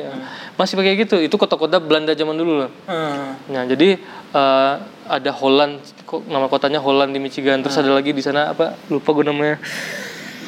Aduh, ya itulah pokoknya namanya. Bahkan ya sejarahnya kalau lu tahu New York sendiri pun kan itu sebenarnya punya Belanda dulu. dulunya. Jadi kan tahu lu kalau New York itu Pulau Manhattan itu dulu barter sama Indonesia, Tahu yang di selatan Indonesia kan? yang di Makas Maluku, Oh, bukan yang di selatan di Maluku. Yang mau ke Australia kalau. Bukan, bukan di Maluku. Di Maluku. Pulau Ro, Pulau Re apa gitu. Eh, iya, itu di selatan. Maluku, Oh, di Maluku ya? Maluku. Lupa ya. Nah, itu Ini mau barter kan karena di barter dan di situ ya. kalau lu ke Karena Indonesia penghasil Iya, rempah-rempah kalau lu kan. ke New York tuh dekat perbatasan tuh dekat ininya eh, mau ke Liberty itu ada monumennya Hmm. jadi itu perjanjian Inggris sama Belanda barter barter. jadi pulau ini ditukar dengan pulau di Indonesia. jadi pulau yang Indonesia jadi punya Belanda ini punyanya Belanda kan namanya dulu New Amsterdam Iya. diambil sama Inggris Oh, nah sekarang kan merdeka jadi Amerika jadi New York New York. oh. segala macam jadi itu dulunya punya Nah. Jadi lu nggak nggak kalau tadi ya balik ke pertanyaan Jadi kalau di Belanda-Belanda tuh masih banyak tuh gedung-gedung mason, Freemason, ya, tuh banyak banget. Eh, kalau balik ke pertanyaan tadi lu berarti kalau secara insight eh, bisnis Teknologi, gitu enggak. apa? Kalau kemarin gua nggak banyak berinteraksi di sana, cuma sebagai pengamat atau user, ya gue pakai Uber atau ada pakai Sip, ada banyak banyak lah. Sip? Eh, Sip itu kayak itu belum ada di Indonesia. Jadi Sip itu eh, Tulisannya apa? S H I P T kalau nggak salah. Oh, oke. Nah itu eh, lu belanja groceries nih, misalkan lagi badai nih, lu nggak bisa keluar rumah, Iya. lu order via Sip. Hmm. Jadi Sip ini third party. Jadi orang-orang yang kerja di Sip eh, atau mahasiswa nih, dia sebagai eh, freelance Sip. Oh ada orderan nih, beli sayur, beli tomat, beli Dia yang telur beli, dan lain, dia yang beli ke store, dianterin ke rumah lu. Kayak GoFood lah ya, GoMart lah ya. Iya kayak gitu dia nganterin. Nah itu eh, cukup populer juga Tapi di sana. siapa pun bisa ngambil orderan tersebut ya. Iya, dia mu- sama lah mungkin kayak driver Gojek ya. Iya, kalau driver Dan di situ budaya yang tadi beda adalah masalah eh, ini bonding family, Hmm. engagement. Jadi Amerika tuh sangat tidak family gitu loh, keluarganya. Untuk yang udah level atas ya. Jadi kalau sama anak-anak, iya pas mereka masih kecil. Iya, iya. Karena umur 16 tahun anak-anak di Amerika tuh harus mandiri. Diusir. Dius Keluar dari bukan ya secara ini diusir lah. Iya, iya. Lu harus sudah punya penghasilan sendiri makanya banyak anak-anak SMA jadi waiters, jadi tukang cuci piring lah segala macam karena mereka harus punya penghasilan sendiri. Iya, iya, iya. Nah, mereka beli mobil sendiri apa segala macam gitu ya. Nah, itu udah keluar rumah. Jadi eh, hubungan keluarga tuh Tidak erat lah ya. eh, jadi kayak banyak lah yang gue temuin kayak udah tua tuh sendirian. Jadi kayak mereka mati-mati sendirian aja di rumahnya Iya, dan nggak ada kumpul keluarga. Jadi mereka tuh sangat eri gitu ya, sangat envy sama orang-orang dari Asia, terutama Latinos. Iya, iya. Jadi orang-orang Meksiko itu mereka tuh tiap bulan tuanya. tiap bulan itu gathering. Mau lu dari klan mana, family mana, kumpul di family ini, kumpul. Kalau orang Amerika sendiri enggak. Anaknya udah hilang aja, udah apa sampai ada kemarin gue tinggal teman gue dia udah tua ya 65 tahun masih kerja 65 tahun masih ngurusin anak-anak lu ke mana? Ya nggak ada yang mengurusin dia katanya. Sampai akhirnya sama anak-anak itu ya udah pergi aja kalian semua anak-anaknya dia bilang. Tapi cucu-cucu bawa sini nah cucu-cucunya dia main sama cucu-cucunya. Kalau sama-sama anak-anaknya udah nggak dianggap anak lagi sama mereka. Karena itu ya itu secara umum ya. Secara umum Amerika begitu. Hubungan family ya tuh karena dari kecil juga mereka tuh nggak terbentuk kayak adab eh, balik lagi ya, ini ada plus minusnya. Iya. adab kayak misalkan lu manggil bapak lu apa? Bapak. bapak Iya. atau papa Iya. atau ayah. Di sana enggak. Kadang manggil bapaknya nama sendiri. Nama depan. masih manggil lo lo gua gua gitu sama bapaknya. Itu sepatu lu kotor tuh ini tuh. tolong ambilin mobil gua. Jadi itu akhirnya nggak terbentuk juga. Dan itu dari kecil. Kayak lu ngomong sama anak kecil lu nggak akan dipanggil halo uncle dan lain-lain. Kecuali lu ngomong sama anak Pakistan dan lain-lain. iya. Tapi kalau Amerika white people enggak. Nama lu Panji lu panggil, anak kecil manggil lu eh Panji how are you doing mereka nggak akan Di satu sisi itu jadi egaliter, di Iya. sisi lain jadi kehilangan. Iya. Jadi Ya, kalau kalau apalagi kita kalau kan kalau sangat- percaya diri, wah anak-anak di sana anak kecil juga udah ngomong di depan public speaking gitu ya. Bagus, mereka berani ngomong depan umum. Gua aja berani ngomong depan umum tuh SMA kelas 2. Tapi itu tuh kayak kontradiktif gak sih? Kalau lo lihat tadi attitude-nya mereka tuh ke sosial, ke Iya. se- sama manusia ya. Iya. Eh, hubungan antar manusia bagus, tapi malah hubungan ke family-nya kurang ya. Iya, jadi un- Kontradiktif ya? untuk tadi makanya mulai dibentuk lagi sama mereka dari kecil pendidikannya jadi engagementnya bagus gitu. Tapi pas jadi pendidikan di Amerika tuh SD bagus lah dari kecil sampai SD bagus. SMP ke atas termasuk pendidikannya sendiri pun gak bagus. Jadi kalau lu pernah dengar student loan, Iya, iya tahu. Iya. Lu tahu student loan gak? Banyak Tahu kan ya? Jadi mereka kuliah gratis. Ketika mereka lulus mereka bayar. bayar, ya. Nah itu tuh sistem pendidikan yang kacau di Amerika sendiri. Jadi sampai orang-orang komplain, gue tuh nggak pernah telat bayar student loan. Tapi kenapa tagihan gue nggak selesai-selesai nih? Kredit gue masih ada aja gitu. loh. Nah itu kan metode yang nggak masuk akal. Lu kul sekolah SD, SMP, SMA gratis loh. Tapi kenapa pas masuk college atau university lu harus Bayar mahal. bayar mahal? Mahal itu bukan mahal lagi, mahal banget. Iya, iya, gue Dan tahu, bisa dikasih gratis, tapi lu kalau udah kerja lu bayar, lu balikin. Nah itu sistem yang Iya, dan kacau. be- ada beberapa yang Itu lagi dievaluasi sekarang di Amerika. Soalnya ada temen gue juga kan orang Nah. orang Amerika gitu dia ceritanya gini gitu. Dia bisnis, dia Iya. entrepreneur gitu. Dia salah satu apa salah satu eh, yang dia cerita ke gue yang aneh dari sistem pendidikan atau sistem entrepreneurship di Amerika adalah ketika dia bisnis, dia mau minjem uang di bank tidak dikasih. Iya. Itu umurnya udah 20 sekian lah hampir seumur gue gitu. Tapi ketika dia belum punya kerjaan, ketika lagi mahasiswa minjem dapat student loan itu bisa dikasih ratusan juta Iya. dolar eh ya pokoknya eh, ratusan ribu dolar gitu kan. Padahal dia tidak punya pekerjaan tidak punya misi sosial. Tapi Iya. sekarang dia mau bisnis nyari pinjaman susah karena aneh gitu loh. Ya itu itu lagi lagi dievaluasi juga dari pemerintah Amerika sendiri ter- terkait yaitu buat ke masyarakatnya mereka. Karena tadi lu bisnis lu kecil lu habis lu dipajakin tapi kalau lu bisnis lu gede banget lu nggak bayar pajak Iya, iya, iya. Amazon tuh nggak bayar pajak pak nggak bayar tax federal tax Iya, iya. Donald Trump perusahaannya nggak bayar pajak Iya agak ya kalau bahasa ke- ya bahasa sama. mereka ya apa eh, small crime ya is Iya, crime ya kalau iya. big crime ya lo ini lah nggak kelihatan lah ya gitu Oh, tadi berarti menurut lo karena pendidikan ya pendidikan SD-nya mah bagus Iya. tapi pas lagi ini mulai ini jadi, Jadi kalau lu sekolahin anak lu di. Amerika dari kecil sampai SD bagus. Ah. Kalau SMA udah bawa pulang karena udah bakal kacau di sana. kalau dari sisi ininya eh, apa namanya yang yang lu bergaul di sana kebanyakan sama Latinos. people. oh Latinos justru Iya, makanya rambut gua panjang tuh. Jadi kalau main bola, main futsal gitu emang mereka jago-jago sih. Sama orang Brazil, orang Argentina dan lain-lain ya. Kalau gua di sana nggak ada yang nyangka gua orang Indonesia, nggak tahu mereka Indonesia. Pasti kalau gua gua ditanya, dikira Latinos, ya dikira orang Meksiko gitu ya. Kalau nggak orang Pakistan atau orang Arab, paling parah banget Filipino. iya Filipin paling Iya. paling banyak ketukar sama orang Filipin sih Ya, tapi karena gua di sana banyaknya orang Latin, ya orang-orang kayak gua disangkanya Latin Latin. Hola amigos, por siempre gitu-gitu lah. Estos ya gitu-gitu. Tapi gue belajar bahasa Spanyol juga. oke menarik banget jadi eh, lu lebih banyak insight seperti itu yang lo dapat ya? Iya, karena jadi lebih ke daily life kan. Jadi kalau biasanya gue traveling tadi ke Eropa segala macam lebih ke ya bisnis trip gitu. ya. Kalau sekarang gue stay sebagai residen Ah, dua ke tahun. daily people ya tadi bagaimana berinteraksi mereka harian ikutan mereka juga barbecue dan lain dan mereka sangat baik lah overall. Jadi ya sekarang tiap bulan kita makan gathering di rumahnya. Kan di sana banyak libur yang dibikin-bikin ya. Jadi kayak ada Halloween lah atau ada misalkan apa eh yang kita makan Turki rame-rame Thanksgiving, apa Paskah dan lain-lain Easter egg itu kan libur yang dibuat-buat aja sama mereka libur macam-macam lah liburnya lebih banyak di sana apa di Indonesia Oh di sana pak. Ah, maksud gue di Banyak. luar libur Iya di luar libur summer ya. Summer tuh tiga bulan pleng kosong udah orang kerja tapi kerja kan kosong. Ya tapi kalau libur banyak. Ah, tapi orang kerja mah kerja kan. Iya, libur badai banyak banget lah, banyak banget liburnya kalau di tempat gua. Nah itu Kalau orang Amerika komplain nggak ke governmentnya? pasti Kayak kita komplain ke government. lebih parah, Lebih parah ya. jauh lebih parah. Lu nggak pernah lihat di TV Indonesia iklan atau apa pun tuh yang ngejelekin presiden lu. Iklan ya enggak. Ya paling ya. Kalau di Amerika di TV lo, what the fucking eh, Trump dan mereka nggak ada ditangkap segala macam ya gitu ya lebih maksudnya. kebebasan berpendapat. Ya karena itu free freedom, freedom of speech dan lain-lain. Presiden lu dikata-katain di iklan ya, di iklan jangan pilih ini segala macam. Tuh di TV lo. Udah biasa ya. Biasa.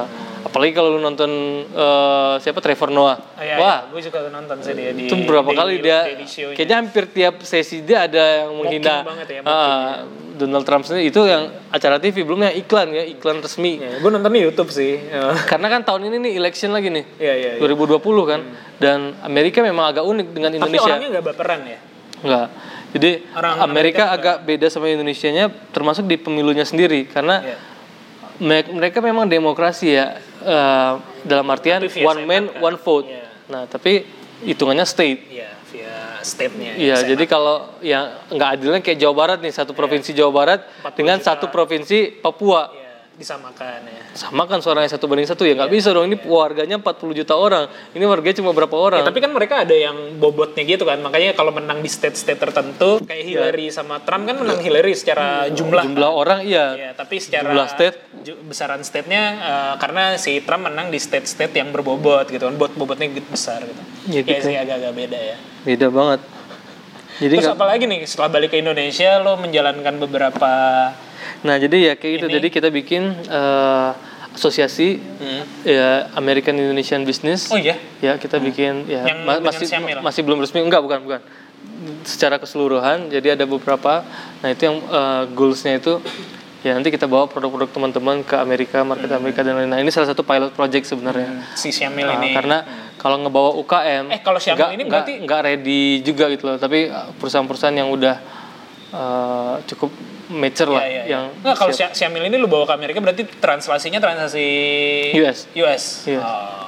Ini ini contohnya nih. ya kita set up Cek, perusahaan ini contohnya Indonesia apa? Ini Indonesia. Indonesia. Jadi ya adalah beberapa yang kita masih eh, nanti kita bahas lagi lebih lanjut kalau untuk itu. Jadi ke sana lah. Jadi sebenarnya bukan ke bisnis lebih banyak ke dakwah sih sebenarnya kalau untuk itu. Jadi masuk ke negara-negara barat. Kita bikin asosiasi juga di sana. Ya masih belum resmi, tapi masih lihat progres. Karena mungkin bakal balik lagi gue ke sana, tapi mungkin nggak sekarang gitu ya. Dua tahun lagi lah, tiga tahun lagi gue balik lagi ke Amerika untuk waktu yang mungkin lebih lama lagi. Jadi Dal- dalam jangka de- dekat lu masih bisnis aja atau Oh, rencana sekolah? di sini, di sini di Indonesia. Sebenarnya itu sekolah tuh udah planning dari awal banget. Makanya gue ambil bisnis juga salah satunya dulu kan karena gue masuk bisnis. Tapi kalau dari IT langsung kuliah bisnis nggak bisa. Dulu at least 2 tahun lu experience di bisnis lu baru ambil bisa ngambil bisnis. Kalau nggak gue engineer, sarjana teknik, lanjutnya harus master science atau sarjana teknik lagi nggak bisa masuk bisnis kecuali 2 tahun. Ini udah ke kebablasan nih udah tujuh tahun. Belum jadi-jadi juga.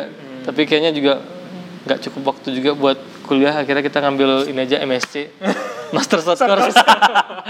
Ya lumayan gue dapat ijazah dari Australia dari London juga kan kemarin dari Royal Academy Engineering juga dapat segala macam. Kayaknya itu dulu dah.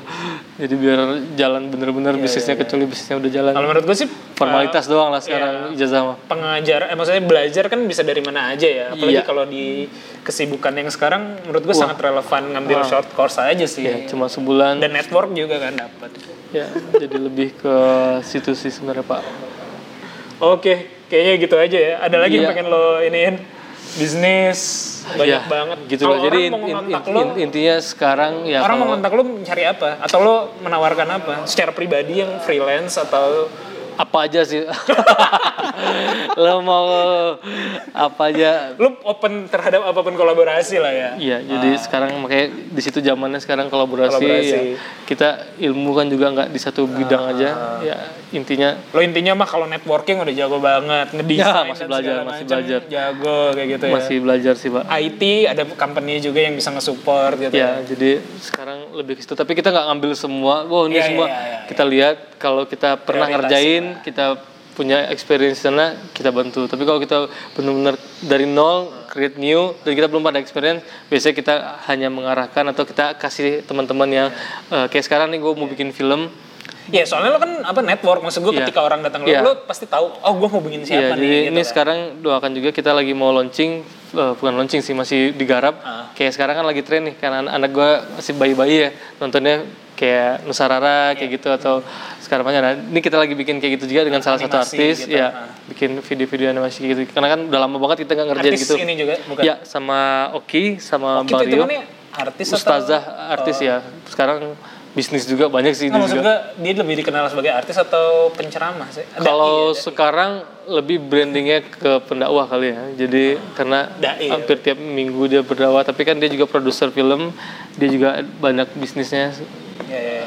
Dan dulunya juga Dulu artis. dulu sempet pas jum- belum setenar sekarang sih pernah kenal cuman udah zaman kayak jadi belum nikah deh. Pas di UI dia dia anak UI kan. Hmm. Dia 2007 kalau nggak salah deh. Ya, sangkatan sama lu. Enggak, gue 2006. Jadi Oh ya. eh, pernah ini cuman lo dulu banget sih sekarang nggak Itu kalau ada yang bisa gua bantu kabarin aja kalau gua nggak bisa bantu gua arahkan channeling yang lain Sip, gitu. sip. thank you Lan ya Ah. Oh iya ini kita juga lagi di kantornya Iresto Oh iya. oh ya ada ya ada logonya ya Kantor resto bukan. ini nanti makanannya kalau udah apa namanya Ya, udah rilis bisa order ya. atau ke oleh-oleh Bandung di Dago kalau Ya di ATT.